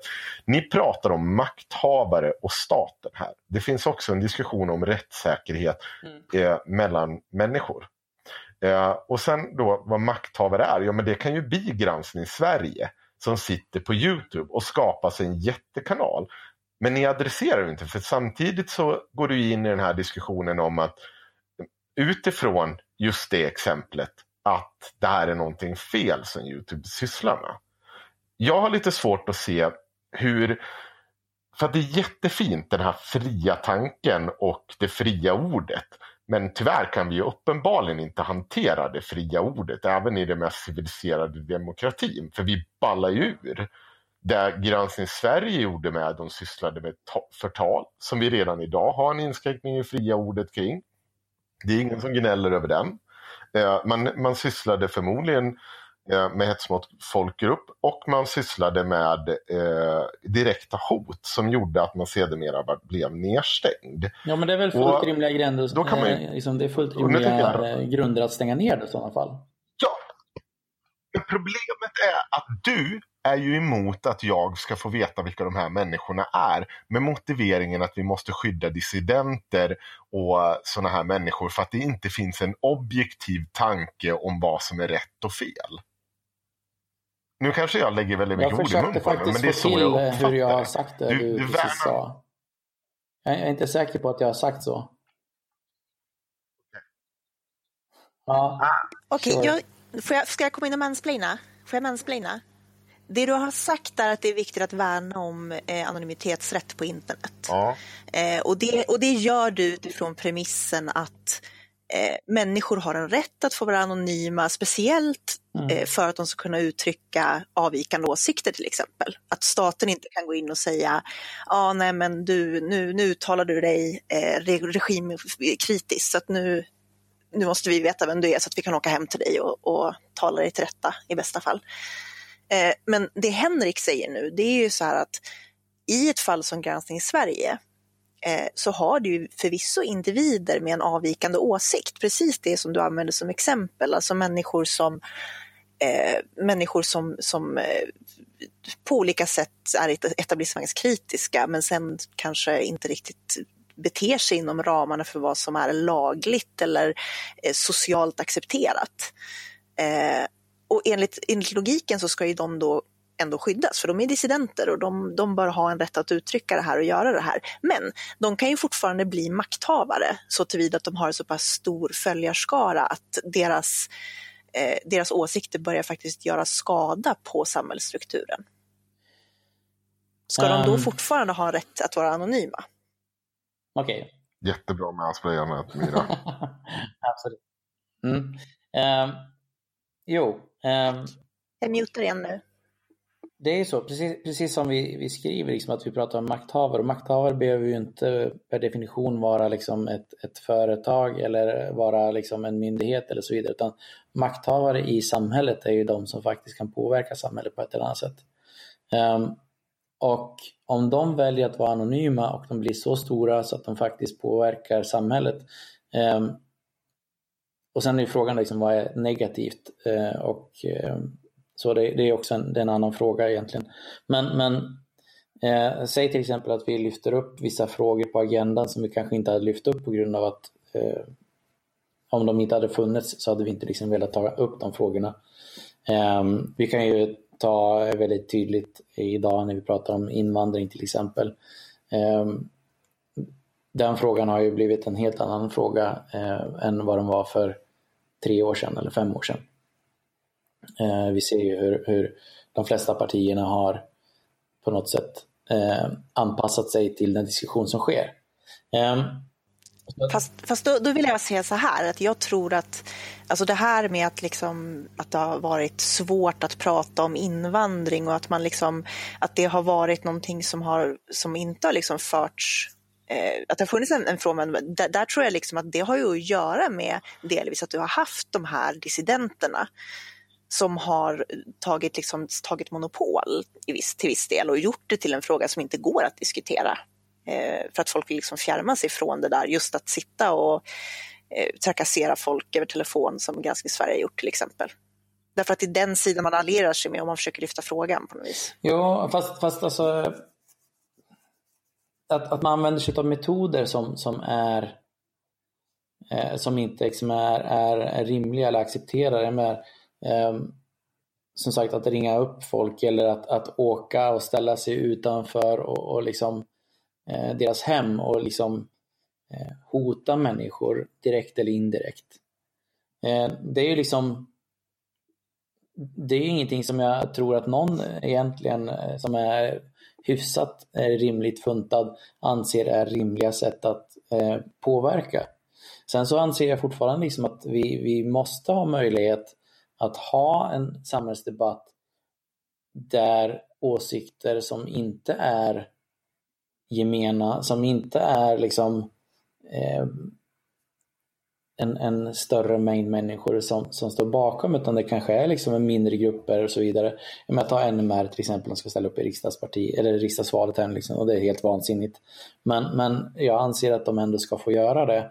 Eh, så länge de inte går omkring och hotar folk, så länge de liksom håller sig inom Eh, eh lagens råmärken så, så är det liksom deras eh, fulla rätt att göra det. Ehm, och sen kommer de säkerligen säga en massa konstiga saker. Jag skulle säga som så att Sverige är extremt tillåtande när sånt där. NMR är ju ett strålande exempel. Ja. På varje gång de har en, en demonstration så börjar de spöa någon med någon flaggstång. Eh, deras medlemmar som blir gripna för att ha utfört bombattentat mot flyktingförläggningar. Och sen att mm. större delen av deras aktiva medlemmar är, liksom är yrkeskriminellt slödder. Ja, men och, då, då, är ju, då, är, då ligger det, tycker jag, i grund för att man behöver liksom eh, se till att, att, eh, eh att vi hanterar deras eh, åsikter liksom på ett sätt som att okej, okay, det här är människor som uppenbarligen eh, agerar lite liksom Hells Angels mentalitet, liksom att vi gör vad fan vi vill för att ingen gör någonting åt oss. Då måste vi se till att trycka till det och se till liksom att okej, okay, här, här är gränsen. Men när man hela tiden, som du säger, liksom att man passerar en gräns hela tiden och man tillåts att göra det. Så även där sker ju normalisering. Jag menar, vi har ju, eh, om, om vi tittar på Sverigedemokraterna så det, har ju de en överrepresentation utav människor med domar i riksdagen till exempel. Eh, och det är också något... Majoriteten av alla domare i riksdagen till och med. Ja, det är mycket möjligt. Eh, men oavsett så är det liksom så att, att det sker liksom normalisering åt det hållet. Genom att ta en mer extrem position så flyttas hela samtalet åt det hållet. Eh, och det är, det, vi måste liksom se till att, att eh, man fortfarande liksom inte tar en position som ligger långt utanför det som lagen tillåter. Sen är det ju så att lagar måste vi också förstå är någonting som vi har skapat eh, utifrån den, eh, den moral som vi har i samhället. Eh, jag vet ju att, att eh, just där om man tittar på Tyskland och andra världskriget och så säger vad som händer där så var det ju så att eh, det uppstod en massa nya lagar för att liksom kunna eh, låta liksom, eh, Eh, nazistpartierna, eh, nazistpartiet att driva igenom den politiken som de ville driva igenom. Ehm, och det är inga naturlagar. Så att, eh, vi, måste liksom på något sätt styra samhället med de lagar som vi vill ha. Ehm, men de lagarna behöver vi kunna diskutera öppet och fritt. Men diskutera är det viktiga ordet här. Eh, inte att vi bombhotar folk, inte att vi skjuter folk, inte att vi liksom gör massa saker som Nej, är liksom direkt riktade mot individer. Utan jag, vill, jag har inga problem alls med liksom att, att eh, vi diskuterar med nazister om hur, hur de vill driva Sverige. Eh, det kanske till och med är vettigt att de berättar hur de vill att Sverige ska drivas. För att då kanske en stor del av de människor som idag tycker att de är bra eh, börjar inse att de här har liksom inte... Inte en aning om vad de håller på med. Nej, de, de har, ingen... Nej, de har ju noll koll. De, deras, deras politiska vision sträcker sig till att kasta ja, ut alla invandrare liksom och sen så men det, det, är långt ifrån vad, alltså, så vad jag menar är ert dilemma. Problemet är att Eh, jag får fortfarande uppfattningen av att ni kommer hela tiden skydda, för att om, om det begår, du, du, säger så här att ja, men det, det, det, ska finnas en lagstiftning och bra begränsning med förtal, till exempel att du hotar någon. För det är ju alla de här, det är ju ingrepp i vår yttrandefrihet på ett sätt eller annat. Eh, du förklarar fortfarande inte att när du har en stor jätte där de här personerna har skapat sin plattform och de sysslar med sånt här, Eh, hur ska jag komma åt dem om de gör det mot mig? För att du vill ju samtidigt inte att staten ska kunna kräva ut sådana saker. Ja, det, det, för då ska ju det, det, ska, i förlängningen ska Förutsättningen att de är anonyma i det här läget, är det det du menar? Ja, förutsättningen att de är mm, anonyma, okay. ja. Um, nej, det är klart, det, det, är ett dilemma, men jag anser liksom att eh, återigen, eh, ska vi ha ett rättssystem där vi tillåter att oskyldiga blir dömda för ett brott de inte har begått? Eller ska vi ha ett samhälle som friar människor som har gjort ett brott fast vi inte kan bevisa det? Fast det, det beror ju på hur väl demokratin är förankrat i övrigt. Alltså det, det blir ju ett sluttande planargument där du säger att om vi öppnar upp för det här, ja då kommer det rulla på snart och så kommer staten plocka in dissidenter bara för att de har sagt fel saker. Ni ger ju inte svaret på hur vi ska skydda människor idag som drabbas av de här typerna av alltså personerna. Om vi tar ett av de här exemplen som Granskning Sverige lade upp på sin sajt. Då ringer man upp en pappa till en vänsterpartist och så förklarar man för honom att om inte han svar, jag kommer inte ihåg, svarar på frågor eller eh, går, är de till mötes, då kommer man skicka ut en akt på eh, den här familjens bostad. Jag har den här akten på datorn. Där är det bland annat bilder på den här pappans hus. Eh, eh det finns dokument på vad han är med i för eh, olika idrottsföreningar och vilka andra som är med där. Eh, det finns eh, akter på varje medlem i familjen och då säger man så här att om inte du gör det här och det här så kommer vi skicka ut det här till alla högerextrema organisationer mm. i Sverige. Ett tydligt hot riktat mot honom. Den här personen, man kommer inte åt Granskning Sverige för att de skyddar sig bakom anonymitet.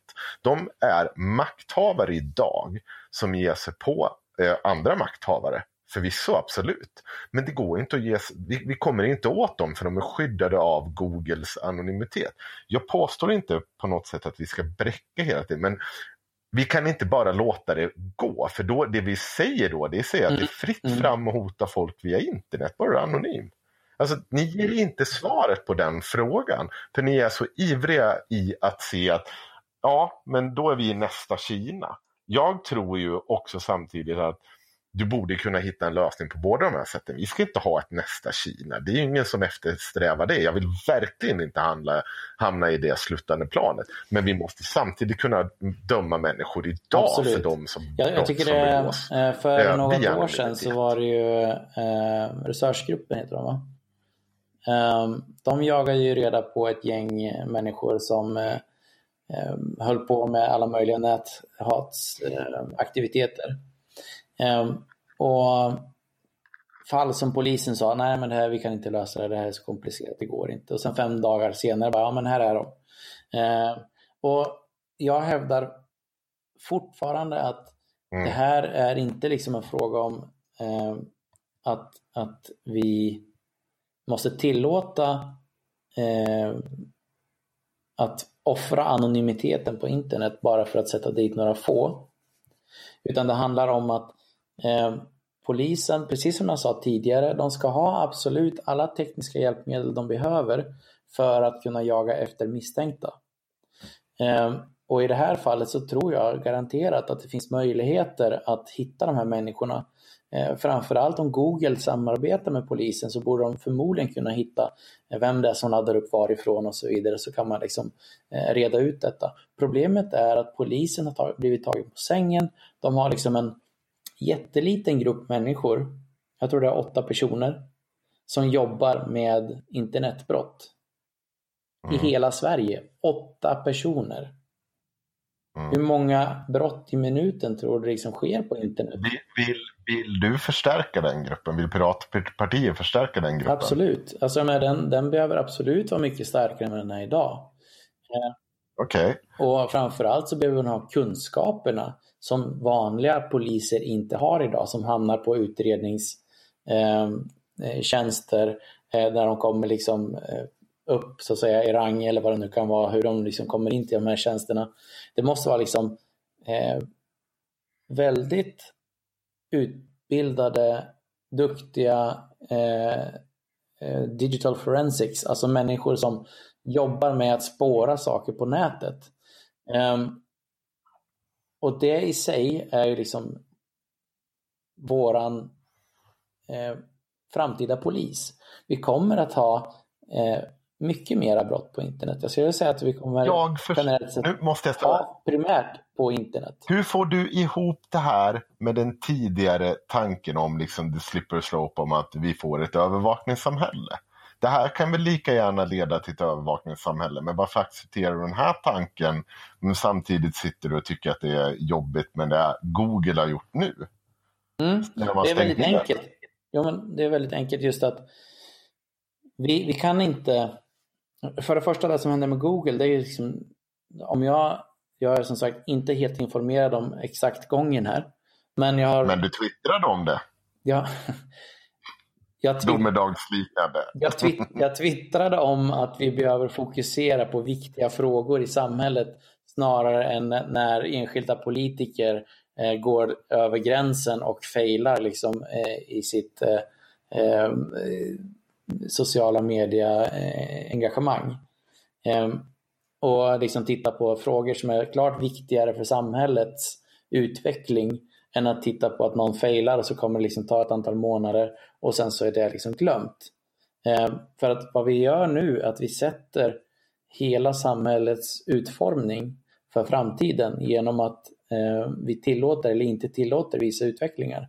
Bland annat då att vi inte ska tillåta massövervakning. Men jag har inga problem med att vi har riktad övervakning på det digitala eh, området. Eh, och det är en jätteskillnad däremellan. Jag vill absolut inte se att vi trålar för att hitta någonting att misstänka folk för. Däremot, om vi har en sajt som sprider eh, eh, lögner, hat, hot och så vidare eh, och, och eh, riktar in sig kanske på vissa individer eller på vissa folkgrupper eller liksom så allmänt. Eh, de ska absolut ha den tekniska expertis eh, och eh, apparatur som krävs för att försöka hitta vilka människor det här är. Eh, och jag anser att vi har det, för jag tror inte att de här människorna som håller på med de här grejerna är så jävla duktiga på IT att de kan gömma sig för någon som verkligen försöker ta reda på vilka de är. Däremot så gömmer de sig bakom en pseudoanonymitet för att vi har en polis som inte kan hantera digitala eh, utredningar. Mm, de kommer undan de, de har kommit undan med det ganska länge gränsen i Sverige, måste jag ändå säga. Det slutade ju med att Ja, ja, men det beror ju på att polisen fokuserar på att, att ta pinnar för att de sätter dit folk som, som, som brukar cannabis och lägger liksom i princip hälften av sin tid på det istället för att jaga människor på nätet. Ja. Som, som liksom sprider hat och hot. Fick du det sagt om cannabis också? Mm, vi har inte pratat om knarken. Det är ett perfekt ställe att runda ja, av. Jag tänkte säga det, nu har vi fan kört i, i men eftersom vi inte hann ta en enda av de frågor vi ville prata om så tycker jag vi gör så här. Vi kör ja nej på dem. Okej. Okay. Mm. Eh, legalisering av droger, ja nej? Beror på. Eh, vi, ja nej? Ja, vi säger att alla droger som idag eh, är mindre farliga än de droger som idag är legala bör vi eh, reglera det vill säga legalisera. Men regleringen ja. är, är, är, en eh, större fråga.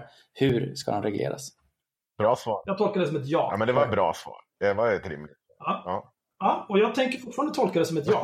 Mm. Så nu eh, sprututbyten för eh, sprutnarkomaner. Ja. Mm. Eh, Nästa fråga kan du inte köra ja eller nej på. Det. Nej, det är svaret. Nej. Är det någon annan som vill ta nästa fråga? Ja, jag, eller jag kan ta... GDPR, är du för eller emot det? Den kom ju faktiskt upp ja. i diskussionen. På det kan jag svara ja. Är du för eller emot det? Ja. Vad är svaret? Om ni vill ha ja eller nej svar. Ehm, jag tycker så här. Ehm, GDPR är i grund och botten bra ur tanken att ehm, som individ behöver vi ha större möjligheter att att kunna eh, försvara oss på nätet. Eh, och GDPR är en del utav det.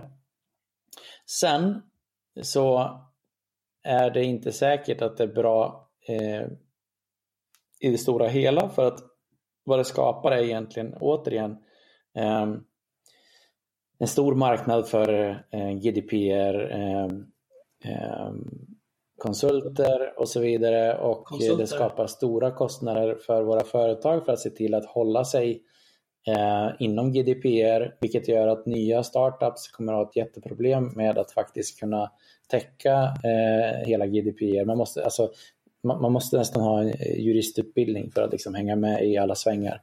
Eh, så att mm. det komplicerar regelsystemet eh, något enormt eh, vilket hindrar utvecklingen på nätet. Men eh, ja, i, Men jag, jag, jag är försiktigt positiv. Jag har Axel, jag och Myra, nu tänker jag prata ihop er om en grej för, som jag kom på att jag faktiskt vill höra svaret på och jag tror att Myra vill höra svaret på. Alltså... Ja, och så ni får rätta mig om jag har fel. Men ska vi inte låta han avsluta med sin syn på porrfilter? Alltså, men det har vi redan gjort. Vi har redan, vi har redan nämnt porrfilter. Det var när du höll på live-researcha, då konstaterade jag att porrfilter inte, han satt, han satt och IRM-jobbade. Jag har sett honom i IRM-chatten. Ja. Eh, men porrfilter är dumt. Porrfilter är, är poänglöst för alla som vet någonting om hur internet funkar. Mm. Tror jag var det vi sa. Vilket uppenbarligen politikerna inte gör. Nej, men det är väl ingen skräll. Nej, det är därför vi behövs. Ja, ja, ja absolut. Ja. Jag säger inte emot. Eller jag säger verkligen ja eller nej. kan varken bekräfta eller dementera. Eh, mm. vi vill, du, vill, du, fråga någonting om facket, Henrik? Oh, sitter han och mixtrar med saker? Vem är det? Det är Henrik som sitter och vrider sönder konservburkar här. Alltså.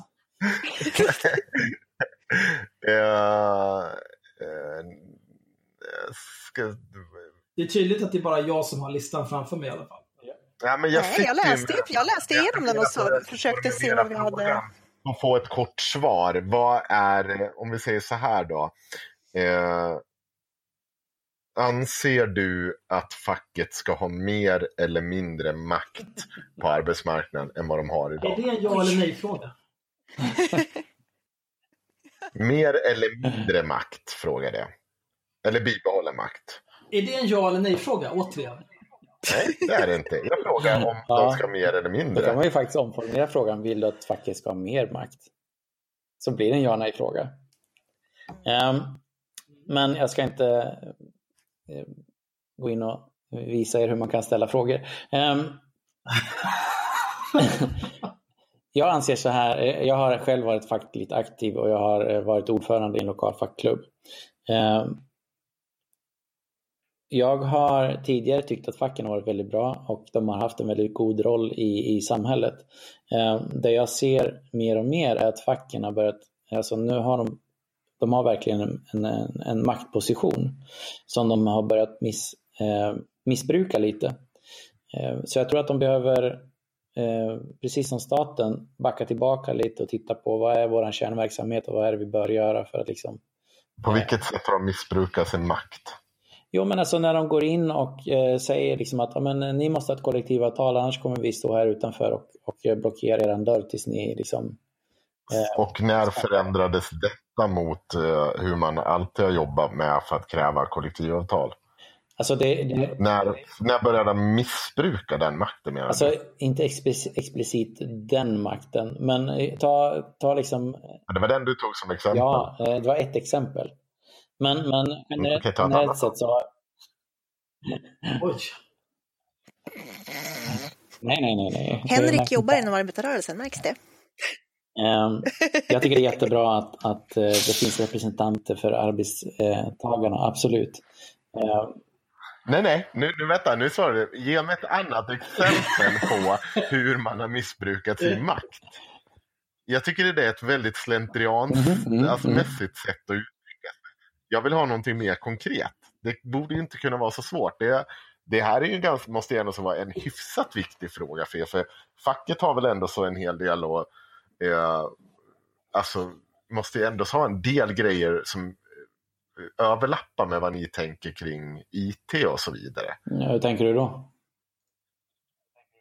Jag tänker att det finns eh, alltså fackliga intresseorganisationer som är och tycker till i de frågorna.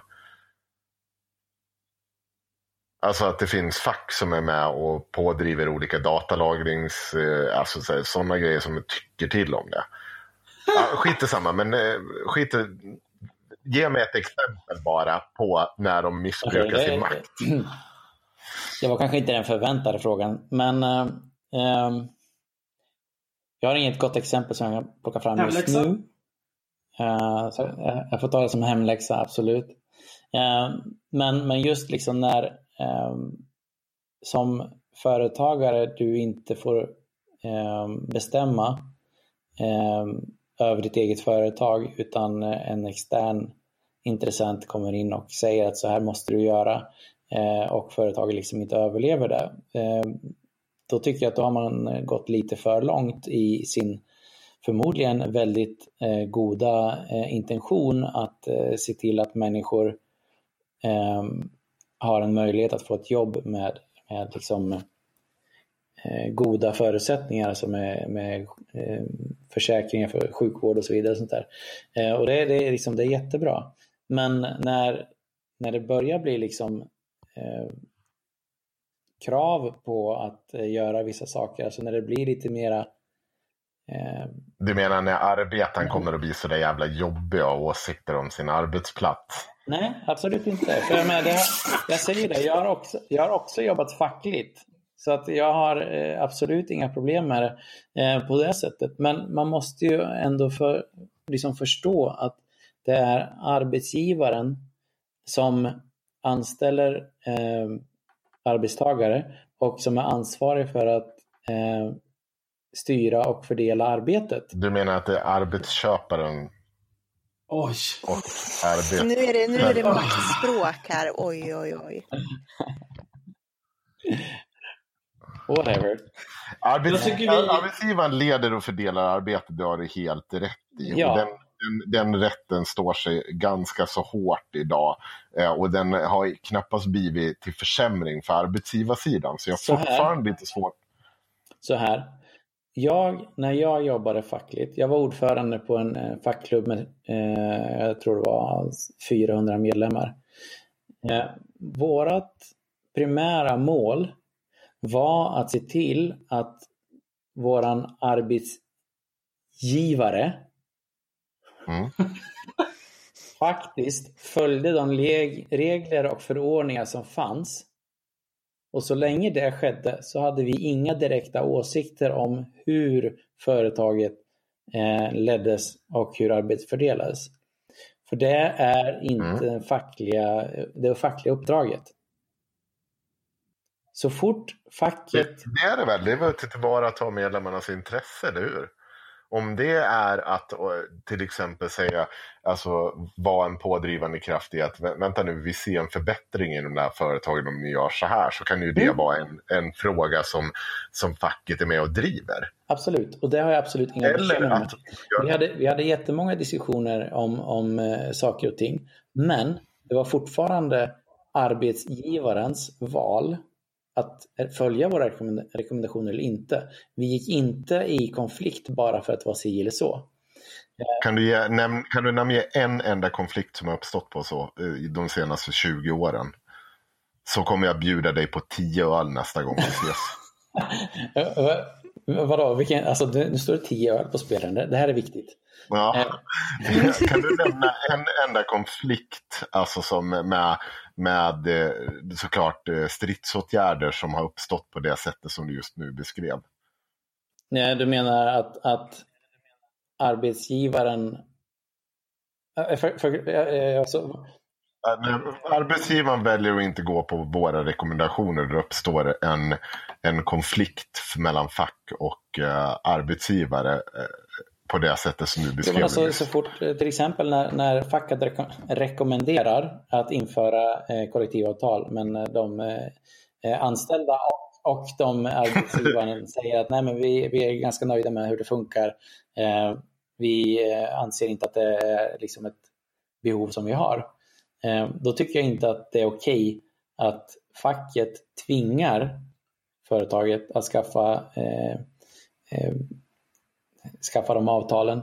Däremot om det är tvärtom så att de anställda säger att vi vill ha ett kollektivavtal och arbetsgivaren säger att nej det får ni inte. Då är det fullt rimligt att facket kommer till och hjälper och, och, och sätter liksom tyngd bakom de orden. Mm. Finns det något, någon eh, facklig, alltså så här, kollektivavtalskonflikt som har eh, drivits utan att en medlem har sagt att vi vill ha, den vill ha kollektivavtal? Menar du? Kan du ge exempel på någon sån? Vad hette det här bageriet som eh, Mm, det, sattes? med, det fanns en medlem som ville ha kollektivavtal där. Okej, Eftersom jag satt i samma byggnad som Livs då. Det fanns en medlem. Den medlemmen ville dock inte stå i centrum. Och den medlemmen utnyttjades ganska skamlöst av arbetsgivaren där den påstod att den inte ville ha, med, eh, Okej. ville ha eh, om vi tar det här eh, salladsbaren som inte ville ha kollektivavtal här i Göteborg. Mm, där fanns det medlemmar som ville ha kollektivavtal, ja. Okej. Mm. Ja, nu mår du va Henrik? Ja, jag inte fan tänker jag ge bort tio öl utan att han kommer med ett vettigt exempel. Men jag, hörni, jag tror att nu är det två timmar och 38 minuter och jag vill, jag vill, nu har jag fått nu har du fått kriga lite för husse, så Men- nu är du nöjd. Mm. Magnus, du, du kan ju inte gnälla över att du inte har fått tid att faktiskt prata om de olika Jag frågorna. vill prata hoppas drogpolitik jag. också, det har jag inte fått göra än. Jag måste gå upp och jobba. Men, jag, Ja. ja, men jag tror så här. Ska jag, ska jag gissa så här? Om vi, om vi legaliserar till exempel cannabis så kan man ta de resurserna, polisresurserna, och så lägger vi dem på att utreda internetbrott. Och då behöver vi inte inskränka friheten på internet och så blir alla glada och nöjda. Och så kan man beskatta försäljningen av cannabis. Mm. Och lamslå gängen som säljer genom att ta deras inkomst ifrån dem och dra in deg till statskassan. Precis, och du, du, du minimerar också, du kommer att ta bort väldigt mycket kriminalitet och det kommer i sin tur också att leda till mindre, mindre kostnader för samhället och fler produktiva samhällsmedborgare. Är det din syn på frågan Magnus? Ja eller nej? Det, I stora drag så tycker jag att ni har prickat det ganska bra. Fy fan alltså, inte ett enda ja eller nej jag har fått. Du får ju ställa, Jag men det, är, det. det, är, men det är jag- den här Jag har i och sig en fråga som jag är rätt säker på att jag kommer få ett ja eller nej på. Anser du att pornografi bör förbjudas? Nej. Bra. alltså det roliga är ju att när jag får ja nej-frågor Alltså, va? Nej, men kolla. Ja, jag kolla, trodde du skulle fortsätta. Alltså, när jag får ja nej-frågor så svarar jag ja nej och så går de vidare. Det är bara att nu, du märker ju knappt när de går förbi. Däremot när, när liksom Henrik sitter i två timmar och har en monolog om facket, då märks det givetvis. Mm, ja, det är sant. Ja, jag, jag tar med mig det. All kritik är bra kritik, eller hur var det? Ja, jag tar inte åt mig överhuvudtaget. Du hade fel, jag hade rätt. Du får inga öl, gubbjävel. jag, jag hoppas vi ses i Almedalen, då ska ni få varsin öl, det lovar jag. Ja, jag sätter inte min fot där. Jag har att sköta. Ja, vi kommer vara i Almedalen. Jag har inte tid. Ja, ja, ja. Axel, Axel försöker fjärma sig från oss politiskt Nu aktiva. tänker jag ta ansvar för det här och säga att jag ska upp och jobba inom fackrörelsen. Du vet den där rörelsen som har bärt det här jävla landet i hundra år. Eh, jag vill, Men det kanske är dags att få vila lite, Henrik, ja, eller? jag, vill, jag vill tacka dig Magnus för att du tog dig tid. Jag hoppas att det var lite givande för dig att vara här också. ja absolut. Ja, men det är fascinerande att höra er eh, eh, hoppa på varandra. Eh, det, det, är lite, det är lite Det underhållning. är om lite, det är lite våran grej. Ehm, nej, men det var Ja. jättekul. Uh, givetvis har jag inte svar på alla frågor för att eh, det är ju så att vi är ett litet parti och vi har inte resurser att ta fram alla svaren. Ehm, det hoppas jag givetvis att vi ska kunna ändra på. Och, Du är ehm, fortfarande en vinnare eftersom du var först att svara och först att ställa upp. Mm. Ja, precis. Och eh, jag förutsätter att jag kommer att ha längsta intervjun också. Ja, Ja, det här kommer jag inte göra om, det kan jag säga på en gång. Eh, Övriga partier får en kvart var, bara ja nej frågor. nej men jag, jag tror Ett, ett, ändå... tips, ett tips är att stryka Henrik så kommer det ta på en, en halvtimme. Jag är så glad att någon backar mig om att Henrik rantar. Alltså, jag har inte tagit mycket tid i Nej, det, har här. Det inspelet. inte. Det har jag inte. Så jag ser fram emot när vi ska prata om eh, fackets vara eller inte vara med Moderaterna. Jag ser fram emot när du ska Åh, prata jävlar. om facket med sossarna. Jävlar. Ja, jag med. Ja, det Fan kommer vad jag kommer ha åsikter då. Helvete vad jag åsikter. Men, men jag måste ändå, för att, för att ta tillbaka till, till ämnet eh, i fråga så ska jag ändå säga att jag tror att, jag tror att även om vi inte har hunnit gå in på eh, allting så tror jag ändå att jag i alla fall känner att jag fått en ganska tydlig bild av hur du ser. Eh, jag menar, om, jag, om jag och Axel kan gissa oss till ungefär hur du ser på, på drogpolitik så har du förmodligen lyckats lägga fram din, din världssyn ganska bra. Nu ekar jag igen Henrik. Alltså, Det är Henrik som håller på Precis. mixtrar. Eh, Jag, för att sammanfatta liksom våran, våran politik generellt sett är att vi, eh, vi har en frihetlig medmänsklig politik. Det är liksom fokuset eh, väldigt mycket i de frågorna som vi lyfter fram. Att kunna se människan bakom siffrorna istället för att bara säga att nu har vi 950 människor som har dött i drog, eh, drogbruk. Eh, så ska vi säga att det är 950 stycken eh, tragedier som har skett och det är kanske 10 000 människor som är drabbade av dem. Ehm, och det, är- det, är liksom, det är lite så vi försöker koka ner hela vår politik, liksom kom ner till ja, vi är frihetliga, vi säger inte att vi är liberala till exempel av en anledning. Ehm, för att det, det är ett så brett spektrum vad liberal är. Ehm, men just liksom att ge människor frihet att få leva sina liv och kunna eh, utvecklas och eh, utforska den värld vi lever i istället för att sätta gränser och ha en paternal eh, politik som säger att gör sig och gör så. Så är det bättre att vi låter människor upptäcka vad som finns för möjligheter runt om eh, och sen så har vi staten som någon form av eh, stödhjul eh, så att när det går snett så finns staten att hjälpa till så att du inte kraschar ur istället.